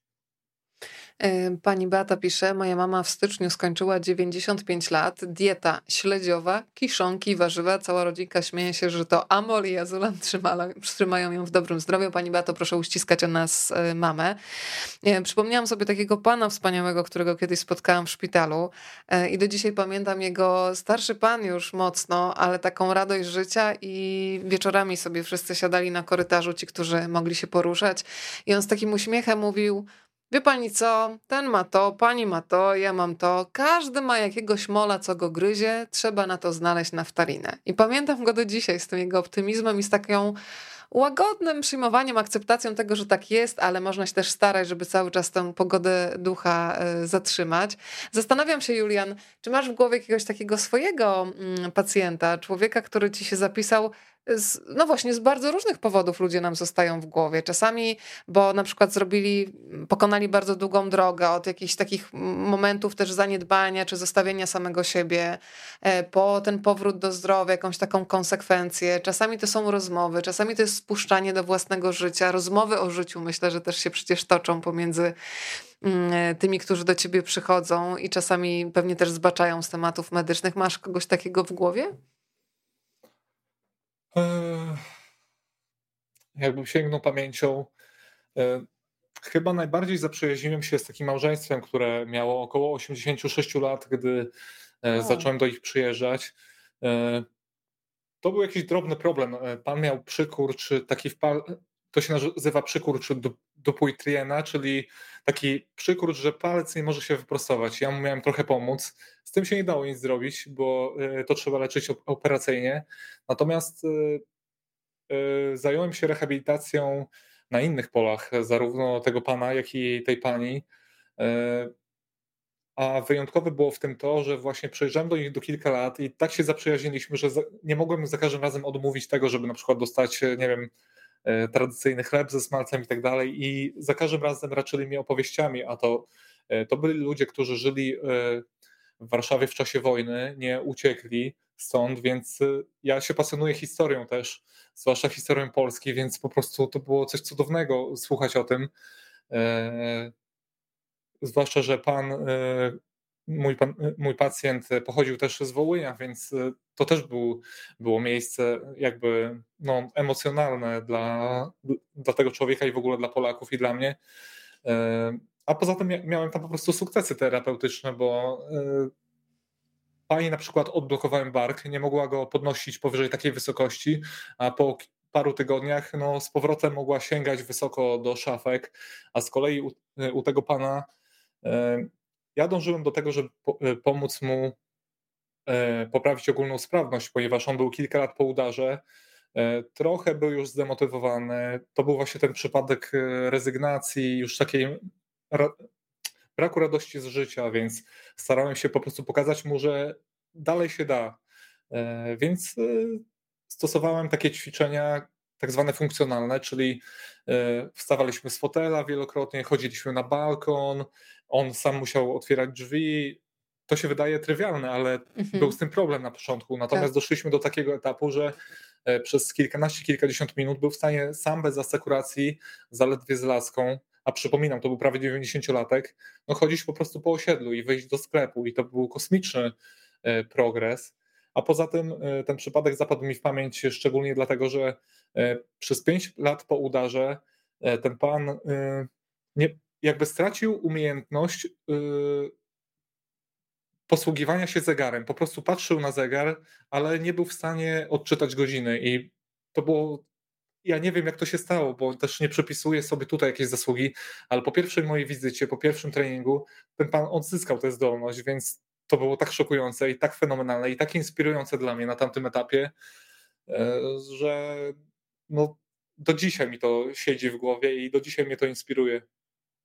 Państwo sobie przypominają konkretne osoby, to też jest piękne, że ta życzliwość się mm, tutaj dookoła budzi, bo ona też z pewnością e, pozwala dłużej żyć. Pozdrawiam 94-letniego pana Wojtkiewicza, który towarzyszył mi w podróży, chcąc odwiedzić swoją córkę, robiąc jej niespodziankę. Ale już sobie wyobrażam tatę 94-letniego, który jedzie do córki, żeby zrobić jej niespodziankę. Jechaliśmy razem pociągiem. Nie wiedziałam, że ten pan ma 94 lata. Sądziłam, że jest przed lub około 80, pełen optymizmu i werby. Pan Zdzisław e, Pozdrawiamy gorąco y, Pani Ewo, jeżeli Pani może mu przekazać potem nagranie po dzisiejszym live, to pozdrawiamy tutaj myślę wszyscy, jak jesteśmy mm, zaangażowani, każdy w swoim domu, a jednocześnie razem. E, drodzy Państwo, jeżeli są pytania, to bardzo proszę, można je cały czas jeszcze przekazywać, a ja jeszcze chcąc, żeby Państwo już od dzisiaj y, mogli kilka patentów z książki Juliana zastosować, zadam jeszcze pytanie o puls. Bo to jest taka rzecz, powiem ci, że nawet niedawno jedna z bliskich mi osób, przez to, że z jednej strony, i tu jest myślę też pułapka, Julia, nie wiem czy się zgodzisz, bo ostatnio ktoś mi zwrócił uwagę, że nosimy te wszystkie krokomierze, mm, to um, wszystkie maszynki, które nam badają jakość snu i kiedy ktoś nas zapyta, jak się czujesz, to często ludzie nie słuchają już organizmu, czy oni są wyspani, czy jakoś się czują sprawnie, tylko sprawdzają, co im powie maszyna, więc to też jest takie błędne koło, ale z drugiej strony uważam, że zegarki, które mierzą puls, często są w stanie mm, wysłać kogoś do kardiologa. I znam taki przypadek z bliskiego otoczenia, kiedy wszyscy nagle patrzą, a jaki masz puls? z ciekawości. I nagle jedna z osób mówi, no ja mam 120, a siedzi. I nagle taka konsternacja, wiesz co, to chyba za dużo. No i to się skończyło e, wizytą u kardiologa na szczęście. E, powiedz proszę, bo no dobrze, zanim odpowiesz, to drodzy Państwo, jaki puls powinien mieć zdrowy człowiek, który po prostu siedzi sobie i czyta książkę. Możemy takie pytanie zadać Julian i zobaczymy, co z tego wyjdzie? Możemy, to ja postaram się nie odpowiadać na nie na razie. Tak. Bo miałem od tego zacząć. E, a, Natomiast... a, jak często właśnie, jak przychodzą do ciebie y, y, ludzie, z którymi rozmawiasz, Jaka jest świadomość właśnie takich wydawałoby się podstawowych rzeczy, czyli na przykład ile powinno wynosić, nie wiem, wartość ciśnienia, jaka mniej więcej powinna być wartość cukru. Interesujemy się sobą, nie masz czasem wrażenia, że bardziej dbamy o samochody, robiąc regularne przeglądy, niż sprawdzając, co tam u nas słychać? To jest dobra analogia, bo e, z ciałem tak samo e, warto robić regularne przeglądy. E, jeśli chodzi o cukier y, czy ciśnienie, to tutaj jest względnie nieźle, bo y, no po prostu to są dość popularne i proste do przeprowadzenia badania. Z tym pulsem spoczynkowym jest sprawa dużo bardziej skomplikowana, bo mało kto zwraca na to uwagę. A tymczasem to jest jeden z najsilniejszych wskaźników szans na długowieczność. To pokazuje ci odpowiedzi już, jakie padają. Tutaj 78, około 70, 60, około 70, Ekstra. 80, Ekstra. 60, 70. Pomiędzy 70, 80, około. No, wszyscy mniej więcej chyba. To, to jest ok, czy już nie bardzo? E, tak, ja podaję taki optymalny przedział, przedział między 60 a 80 uderzeń na minutę.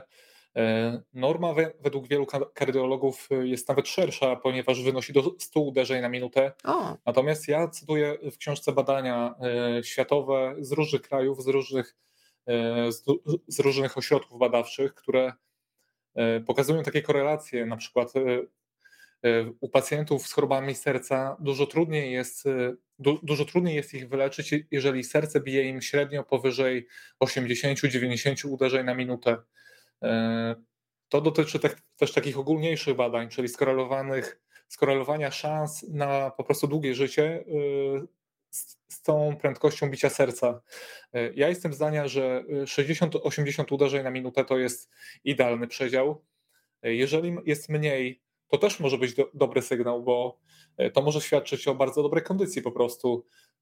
Jest coś takiego jak bradykardia, bradykardia sportowców, czyli na przykład u Justyny Kowalczyk e, normalne było, że serce bije po tam 30 parę czy 40 uderzeń na minutę, już nie pamiętam dokładnie, ale o wiele mniej niż u przeciętnego człowieka.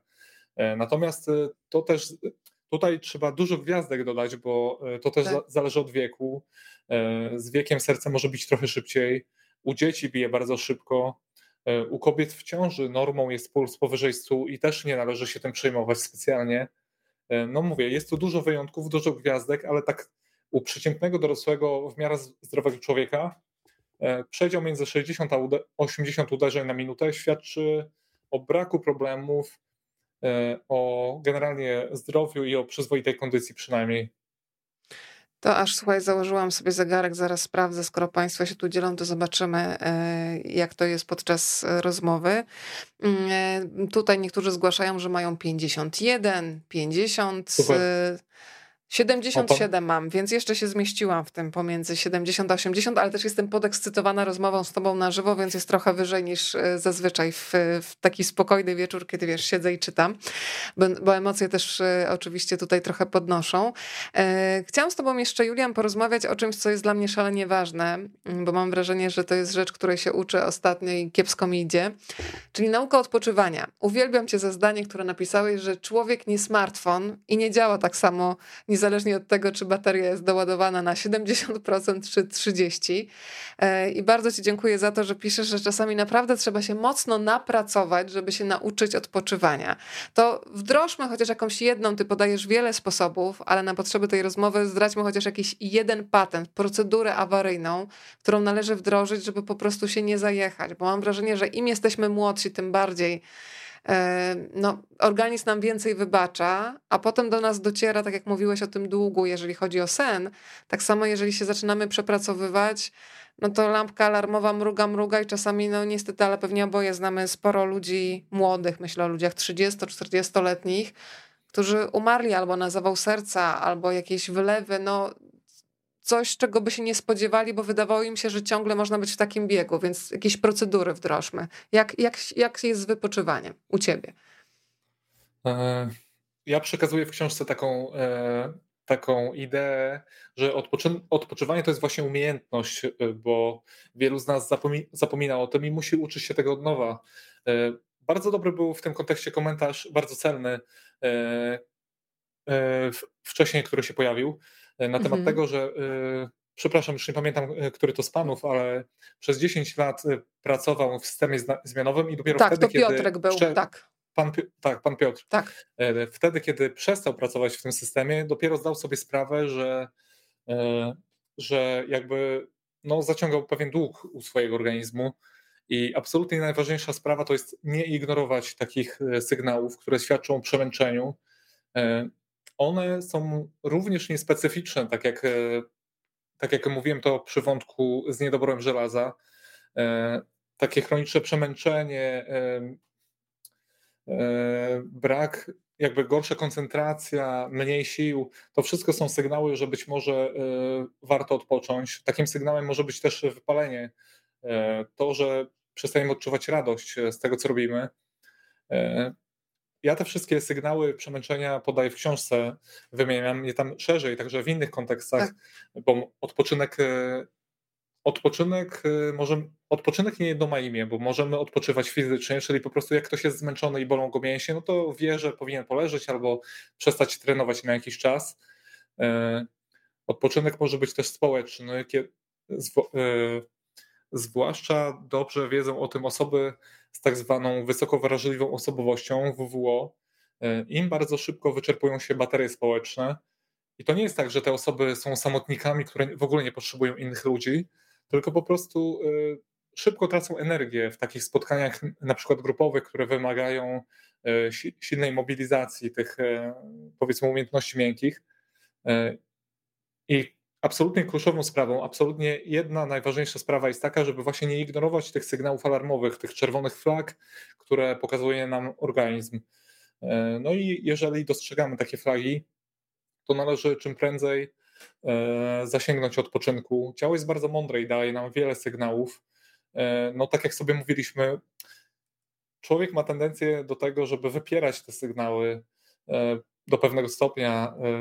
Takim wypieraczem jest też kofeina, czyli kawa, bo kawa to nie jest tak, że kawa nam dodaje energii, ale kawa maskuje zmęczenie, bo ona w, w mózgu mamy takie receptory adenozynowe i tam to są takie, e, takie powiedzmy dziury w mózgu, w które wchodzi klocek adenozyna i im więcej tych klocków w ciągu dnia się zbierze, tym bardziej mózg wie, że jesteśmy zmęczeni.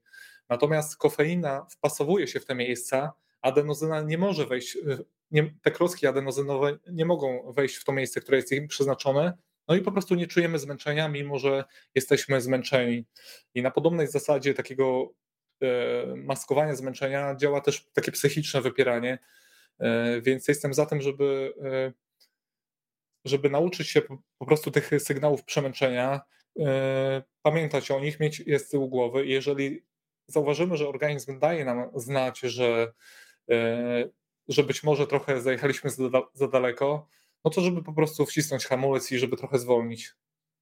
E, ja też e, od razu Państwu powiem, że Julian pisze też e, bardzo ważną, znaczy pisze w jednym z rozdziałów o tym, jak ważne jest zdrowie też psychiczne, że jest tak samo istotne jak nasza fizyczność, więc polecam Państwu lekturę. Pani Magda jeszcze się do, pani Monika się do nas też odezwała odnośnie stu jednoletniej babci, recepta babci na długowieczność. Całe życie dużo pracowała w gospodarstwie, wychowywała szóstkę dzieci i całą gromadę wnuków. Była skromna, a jeszcze potrafiła wszystkim się dzielić. Gotowała dla całej rodziny do 90 roku życia zawsze zupa, plus drugie danie, plus kompot lub maślanka. Zajmowała się ogródkiem i sadem, zawsze pogodna, nigdy nie narzekała, dobrze mówiła o wszystkich. Kontemplowała naturę, rozmawiała ze zwierzętami, dużo śpiewała, to skoro pojawił się wątek zwierząt, ja też y, jestem przekonana, że mnie ratuje moja łatka, bo wyprowadza mnie regularnie na spacery i też y, obniża ciśnienie krwi, kiedy się do niej przytulam, no to chyba zdradzimy, Julian, że ty masz kota. On z kolei dba o to, żebyś się nie wysypiał czasami, prawda? Jeżeli ty się nim nie zajmiesz. E, tak, mam kota, który szaleje, bo e, jest pełny energii, jest strasznym przytulakiem, a do tego jest hiperaktywny, więc jeżeli przed snem go nie wybiegam, nie porobię z nim zapasów, nie dam mu nagrody też na koniec, no to w nocy będzie po prostu na mnie skakał i będzie mnie budził, a jeżeli nie na mnie, to przynajmniej na drzwi, które zamknę. Więc no po prostu jestem trochę jego zakładnikiem, ale no uwielbiam tego zwierzaka, więc to jest sama przyjemność mieć takiego towarzysza. A jak się nazywa kot Juliana Sobiecha? Kot nazywa się Stefan. E, ja go nie nazwałem w ogóle, ale zostawiłem to imię, to mi się podoba. E, mam też drugą kotkę, Antosię. E, też jej nie nazwałem. Oba nasze koty są adoptowane, uratowane z podwórka bądź od bezdomnych. Więc, więc tak, ja jestem zwierzolubem, więc uwielbiam zwierzęta i zwierzęta też pomagają jakby dożyć setki.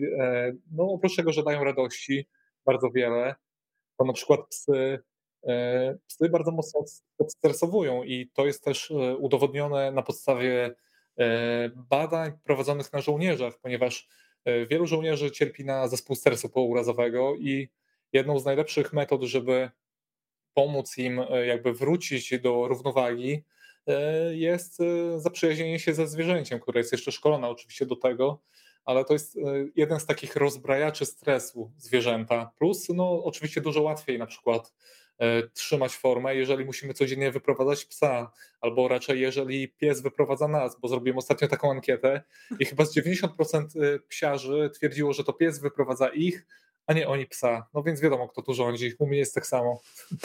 Zdecydowanie tak. Ja powiem ci, że im dłużej przebywam z psem, tym już w ogóle gryzę się w język, jeżeli mam powiedzieć mój pies, a bardziej siebie określam, że jestem człowiekiem swojego psa, bo, bo to przecież nikt do nikogo nie należy, ale bardzo chcemy, mam taką nadzieję przynajmniej ze sobą być. Naja napisała, panie Julianie, rozmowa z panem i kompetencje przekonały mnie do zakupu książki. Gratuluję wyboru drogi życiowej, jest pan w możliwie najlepszym miejscu. E, przekazuję Dziękuję od razu zaufanie.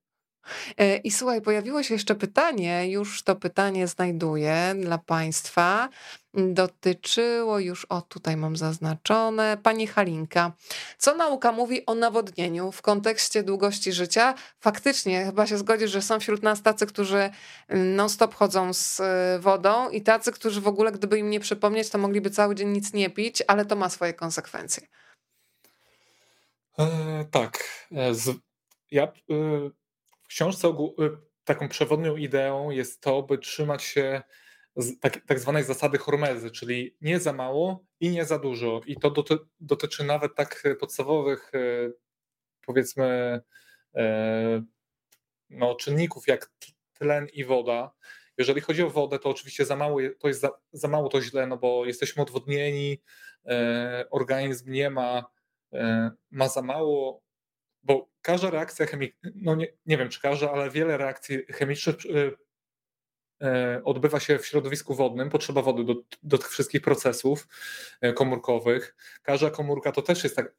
Komórki to nie są takie twarde, jakby bloki, jak cegły, tylko tam jest ściana komórkowa, ale w środku tak naprawdę jest ocean, jest zupa, w której pływają różne cząstki, więc woda jest absolutnie potrzebna do tego, żeby te komórki sprawnie działały. Natomiast wody może być też za dużo i to jest e, przypadek dużo rzadszy, e, ale też się zdarza.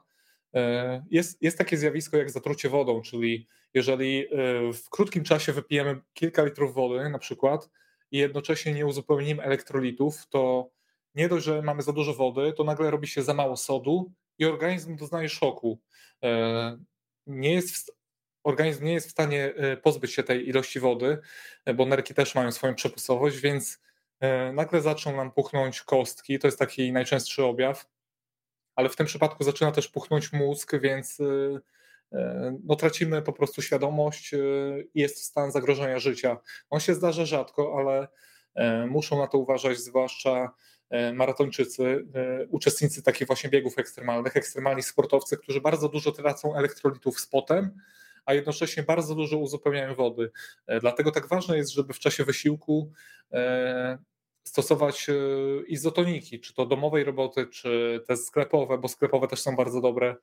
Niekoniecznie muszą one zawierać cukier, ale bardzo ważne, żeby zawierały elektrolity, czyli sód, potas, wapń, magnez. Czasem do tego się dodaje bodajże chlor i fosfor, ale te cztery pierwsze są najważniejsze. Mm, no bo woda, tak jak mówię, jest potrzebna absolutnie każdemu, absolutnie codziennie i absolutnie do każdej czynności życiowej. E, no to widzę, że już w Kapsztadzie też został znaleziony e-book, faktycznie tam łatwiej, e, zanim by z Polski dotarła książka, więc cieszę się, że Państwo znajdują różne sposoby. Jest też audiobook, prawda, z Karoliną tak. Sobańską, dobrze tak. pamiętam, polecaliście tak. ostatnio, więc można też przyjmować wiedzę przez uszy, można czytać przez oczy, wszystko wchłaniać, a można to też... E, tak, co kto lubi. E, to ja zrodzę jeszcze Państwu, że w książce Julian nas zabiera mm, do różnych światów tak naprawdę. Bardzo lubię opowieść, wszystkiego Państwu nie zdradza, ale podsycę apetyt, mam nadzieję, o takich doświadczeniach, e, w których brał udział m.in. astronauta jeden poleciał, a drugi jego brat jednojajowy został i można było ocenić i Państwo sobie przeczytają, jak bardzo warunki wpływają na to, jak się zachowuje nasz organizm. Zabiera nas na boiska sportowe, patrzymy na maratończyków, na piłkarzy, są też ci, którzy rzucają młotem. Wszystkiego nie zdradza, ale naprawdę można zajrzeć w przeróżne e, dziedziny i odnieść to w jakiś sposób do własnego życia. To ja mam jeszcze jedno pytanie, ostatnie od siebie w zasadzie, więc drodzy Państwo, jeżeli ktoś z Państwa jeszcze chce, to bardzo proszę, to jest ten moment. A przy okazji chciałam powiedzieć, że Aga Paśko z wydawnictwa Wielka Litera pozwoliła mi dzisiaj wejść w rolę dobrodziejki. Mamy dla Państwa dwie książki, Jak dożyć setki. E, I dzisiaj uruchomimy sobie naszą maszynę, która podpowie mi, e, do kogo ta książka powinna trafić. Rozmawiam, bo lubię. Taki hashtag pod transmisją na profilu Rozmawiam, bo lubię, proszę wpisać, a za chwilę zobaczymy, do kogo się uśmiechnie los.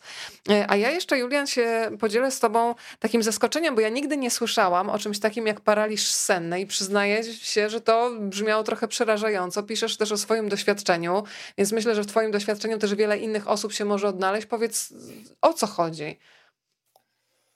E, mam ten temat świeżo przegadany, bo rozmawialiśmy o tym w święta z rodziną. Okazuje się, że mhm. każdy z nas miało takie doświadczenie. E, paraliż senny to jest taki stan, kiedy e, teoretycznie śpimy, ale wiemy, że nie śpimy, natomiast nie możemy się poruszyć i bardzo, częst, bardzo częstym objawem jest coś takiego, że mamy poczucie takiej bardzo złej siły, która na nas czyha, że na przykład chce nas udusić albo zamordować w inny sposób. E, to jest zjawisko To takie jak atak paniki, to jest przerażające. Tak. Jak sobie wyobrażam, to po prostu, że, tak. ale co, nie mogę się ruszyć też? Tak, nie, nie możemy się ruszyć, bo to jest tak, że e, w czasie nocy no, śnią nam się różne rzeczy, ale e, żeby nie machać, żeby nie biegać, to mózg wydziela różne substancje, które sprawiają, że no po prostu tego nie robimy. Natomiast Czasem zdarza się, raczej rzadko, raczej nie każdy nawet ma y, takie doświadczenia. Ja miałem to raz w życiu. Zdarza się tak po prostu, że mózg częściowo się wybudzi, ale ciało jeszcze nie. Więc y, dosłownie jest to paraliż. My wiemy, że już nie śpimy, ale tak jakby sen dalej się rozgrywa. Y, ja sobie poradziłem z tym tak, że bo nie mogłem ruszyć się ciałem, ale mogłem rusz, ruszać się we śnie. To jest bardzo dziwne, nie, dziwne i bardzo dziwnie to brzmi, ale tak było po prostu. No. Ja sobie poradziłem tak, że po prostu wziąłem jakąś cegłę i przywaliłem w okno, zbiłem szybę i wtedy się obudziłem. E, no i charakterystyczne jest właśnie to poczucie e, obecności jakiejś złej siły e, i to jest często interpretowane w taki niemedyczny sposób, że to jest znak, że prześladują nas jakieś duchy, ale tak prawda jest prozaiczna że nie jest to żadne niebezpieczne zjawisko, jest to po prostu projekcja nie do końca wybudzonego mózgu, nie jest to w ogóle groźne dla zdrowia, natomiast e, nie da się tego zapomnieć, to na pewno. No właśnie widzę, że panowie też mają takie doświadczenia i ja e, szczęśliwie się będę bała, że mi się to zdarzy, słuchajcie. E, tutaj i Erek z Kapsztadu i Marcin pisze, że, że coś takiego przeżył, e, więc faktycznie widać, że to nie jest odosobnione doświadczenie, tak jak mówisz, jak u ciebie rodzinie państwo właśnie piszą, że strasznie to brzmi, no ale słuchajcie, zdarza się, więc dobrze wiedzieć, że się zdarzy, to może to przerażenie, jak się zdarzy, będzie mniejsze.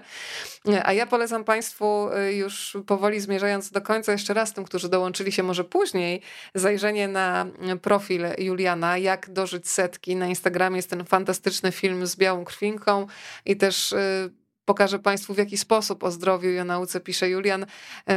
Bardzo lubię finał tej Twojej opowieści, bo są oczywiście konkretne dane, odwołanie się do serialu Było sobie życie. Jeśli kiedykolwiek poczujesz się źle, samotnie i bezproduktywnie, pomyśl, że zawsze masz za sobą biliardy żyjątek, które stałych sił walczą, żeby zapewnić Ci przetrwanie. You will never walk alone. I to jest właśnie wiedza i sposób jej podawania, który do mnie trafia i sądząc po Państwa reakcjach e, też tak jest. Pan Michał O, yy, świetna rozmowa, bardzo dziękujemy. Zachęca do przeczytania książki. Czy oprócz kontaktu z pieskami jeszcze coś o interwencjach psychologicznych, psychoterapii na przykład w książce znajdziemy? Yy, to od razu ja tylko, zaraz ci Julian oddam głos. Chciałam ci podziękować też za te patenty na przykład w momencie, kiedy wpadamy, no, no to jest coś, co przypomina atak paniki, czyli na przykład tracimy kontrolę nad oddechem i zaczynamy, zaczynamy mieć wrażenie, że się dusimy, też podajesz proste, w miarę proste patenty, żeby wyciszyć organizm i sprowadzić go jakby do tego, co się dzieje tu i teraz, ale powiedz jeszcze o tej części psychologicznej, bo ona jest szalenie istotna. Hmm.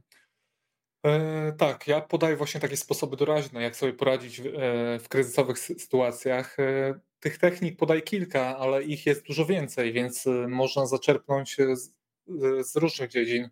Polecam zwłaszcza techniki e, stosowane przez żołnierzy, ponieważ oni pracują w skrajnie trudnych warunkach bitewnych, więc oni najlepiej wiedzą, jak, jak się uspokajać w kryzysowych sytuacjach.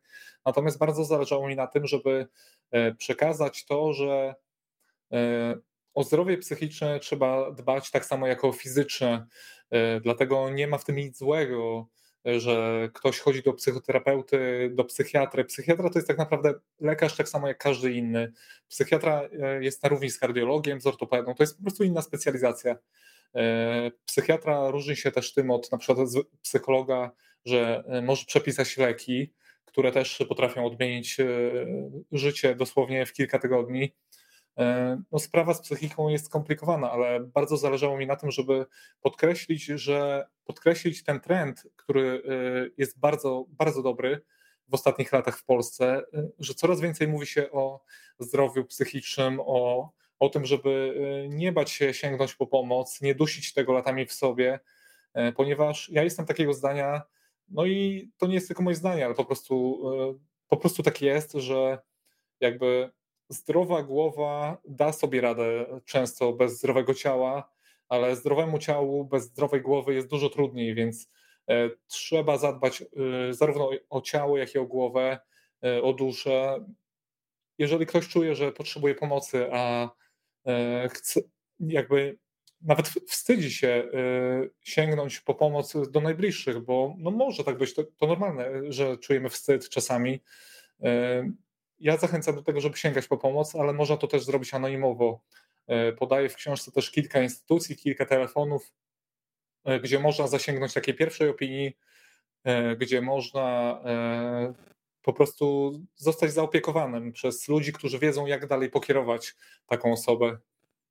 Tak, drodzy Państwo, ja też obiecuję Państwu, że wkrótce Państwu przedstawię też e, szalenie ważne wyniki badania przygotowanego e, projektu Martyny Wojciechowskiej Młode Głowy, pokazujące jak wygląda tak. sytuacja młodych ludzi e, i wszelkiego rodzaju problemy psychiczne, psychiatryczne. Bardzo się cieszę, że ten projekt powstał, bo jest szalenie, szalenie potrzebny. Tak, ja no to co? Polecam, to jest fundacja bodajże Umaweza. Unaweza, dokładnie tak. tak. Świetna robota, świetny raport, acz przerażający. Tak, przerażający i dający do myślenia, więc tym głośniej i wyraźniej trzeba o nim mówić. Obiecuję Państwu, że będziemy do tego tematu, tematu wracać. A teraz proszę już o losowanie. Mm, ogromne podziękowania dla Ciebie od Pani Ewy między innymi. Mm, bardzo dziękujemy za tyle ciekawych i pomocnych informacji. Wspaniały czas i bardzo chętnie poszerzę swoją wiedzę tak cenną. Pani Iwono, Pani e, napisze do mnie i gratulujemy po dzisiejszym programie. Mail zaraz e, podam, a my jeszcze jedno losowanie tutaj uruchamiamy. O, słuchaj, jeszcze jest pytanie od pani Iwony, że jest zainteresowana tym fotelem, na którym siedzisz. To ja wywołam temat o pani Elo, y, pani Ella. Bardzo gratuluję i poproszę po programie też o dwa słowa przynajmniej do mnie pod adres rozmawiam, bo lubię małpa gmail.com, to ustalimy w jaki sposób książka do pani trafi. To ja rozszerzę to pytanie o twój fotel, bo tam się pojawia na przykład wątek w książce. Była taka moda na e, pracę na stojąco, że były takie biurka, które się podnosiły i według fizjoterapeuty to nie jest najszczęśliwszy pomysł, prawda?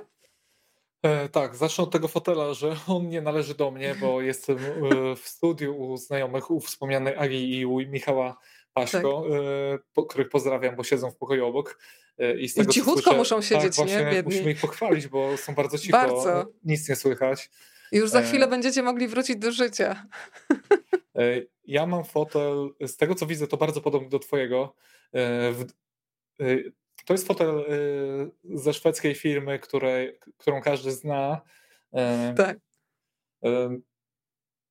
Akurat to jest taka kwestia, którą warto dopracować z terapeutą. To znaczy, chodzi mi o to, że fotel musi być wygodny, ale nie każdy fotel jest ja, ja, tego często doświadczam w pociągach, bo te fotele są teoretycznie sprofilowane. Widać, widać, że ktoś zadbał o to, żeby dopasować kształt siedziska do kształtu kręgosłupa, ale w tych pociągach niektórych to jest przegięcie i to spore, bo y, po prostu tam człowiek ginie, garbi się.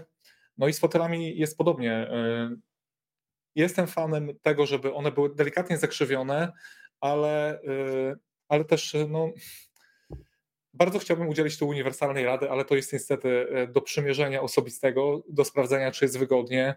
A jeżeli e, sami nie potrafimy, e, jakby nie mamy wiedzy, co nie jest też niczym złym, nie każdy musi być specjalistą, no to warto po prostu zapytać kogoś takiego, kto się tym zajmuje, na przykład fizjoterapeuty, o kilka porad.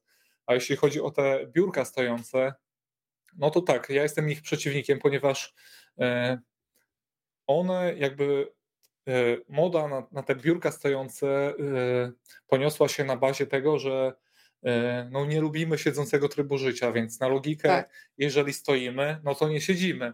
Czyli już wydaje się, że jest dobrze, a tymczasem no właśnie nie. Moim zdaniem jest gorzej, bo to nie jest żadna aktywność. My spalamy w, w takim trybie zaledwie kilka czy kilkanaście kalorii na godzinę więcej.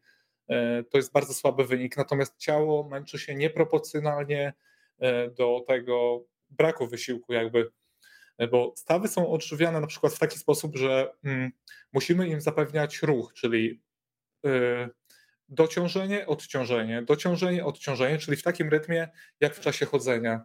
Tymczasem, kiedy stoimy non-stop przez długie godziny, no to te stawy są niedożywione, ponieważ maść stawowa nie może pracować we właściwym rytmie. Przepraszam, to chyba u mnie coś pika. Dają nam znaki, że powinniśmy kończyć, może słuchaj. Chyba tak. W każdym razie biurka stojące są e, szkodliwe moim zdaniem e, dla stawów, ale też dla krążenia, bo e, stopa jest dla, dla żył mniej więcej tym, czym serce jest dla tętnic, bo organizm tak, tak to sobie znakomicie wymyślił, że ewolucja nam, nas w to zaprzęgła, że no bo stopy są po pierwsze daleko od serca, a po drugie są bardzo nisko, więc krew, żeby wrócić do serca, musi pokonać e, duży dystans i jeszcze siłę grawitacji, więc jesteśmy tak skonstruowani, że w czasie chodzenia e, mięśnie aktywują się dokładnie w takiej kolejności, żeby pomóc tę krew wycisnąć do góry. E, dlatego potrzebujemy też tej dziennej liczby kroków odpowiedniej.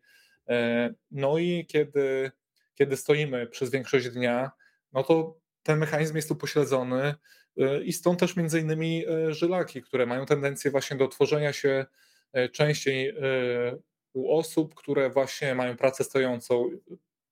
Oczywiście, jeśli ktoś jest stale w ruchu, na przykład, nie wiem, pracuje w magazynie albo w ochronie i robi dużo obchodów, albo w szpitalu, no to okej. Okay. Jeśli chodzimy, to okej, okay. praca na stojąco wtedy nie powinna szkodzić. Dopóki oczywiście się nie zajeżdżamy, o czym też mówiliśmy wcześniej, Natomiast praca po prostu na stojąco w mojej ocenie nie przynosi zbyt wielu korzyści i ja jestem jej przeciwnikiem. Ja na przykład pracuję na siedząco i w żaden sposób mi to nie szkodzi, a wręcz przeciwnie, jestem w stanie to zrekompensować e, odpowiednią aktywnością, o której dużo piszę w książce. Ostatnie pytanie, żeby nie było, że Państwa tutaj nie widzę. Ostatnie i poproszę Cię o krótką odpowiedź, o ile to możliwe. Pani Magda, co Pan sądzi o tak zwanych klękosiadach? Rozumiem, że chodzi o te takie klęczniki, kiedy się siedzi w takiej pozycji, no właśnie, półklęczącej, półsiedzącej. E, nie jestem pewny, czy myślę o tym e, sprzęcie, o którym pani Magdalena myśli, ale hmm. ja, nawet, ja nawet mam coś takiego, bo to jest to chodzi o to, że siedzimy w pozycji takiej półkręczącej, tak? Że to tak. jest krzesło, ale takie z kręcznikiem. Ja mhm. to wykorzystuję na przykład y, do masaży, y, ponieważ w mojej wersji to ma jeszcze y, taki jakby podest na tułów, więc pacjent może się Odparcie na tym daje. oprzeć, tak? tak. Ale generalnie nie mam nic przeciwko, jeżeli to jest wygodne dla, dla danej osoby. Julian, bardzo Ci dziękuję za to spotkanie. Jak dożyć setki? Najprostsza i najskuteczniejsza instrukcja obsługi zdrowia. Pozdrawiamy bardzo wielką literę, e, dzięki której mogliśmy dzisiaj Państwu też e, sprawić prezent pod koniec e, dnia. Cieszę się, że kolejne osoby będą sięgać i już kontynuować sobie spotkanie z Julianem w formie książkowej i widzę, że też followersi tutaj do Ciebie przybywają, bo Państwo się chwalą, że obserwują Cię już film o krwince białej, tak? Dobrze pamiętam? Tak. Robi zawrotną karierę. Julian, bardzo Ci dziękuję, życzę spokojnego snu i y, skoro jesteś u Michała i u Agi, to jeszcze skorzystasz z dogoterapii, bo tam pewnie będzie wieczorny spacer, także wszystkiego dobrego i bardzo, bardzo Ci dziękuję w imieniu wszystkich za to spotkanie. Ja również bardzo dziękuję, życzę wszystkim dużo zdrowia i pamiętajcie po prostu, że nawet małymi krokami, e, wprowadzając bardzo drobne zmiany, możemy osiągnąć bardzo wiele w dłuższej perspektywie. Dlatego zachęcam do tego, żeby robić cokolwiek, bo lepiej robić cokolwiek niż nie robić niczego. Zdecydowanie tak. A ja jutro Państwa zapraszam na premierowe spotkanie z Marcinem Szczygielskim, jego książką Kwiatokosy. E, widzimy się o godzinie 20.30. Spokojnej nocy i do zobaczenia. Dzisiaj był razem z nami Julian Sobiech. Dziękuję Ci bardzo. Dziękuję.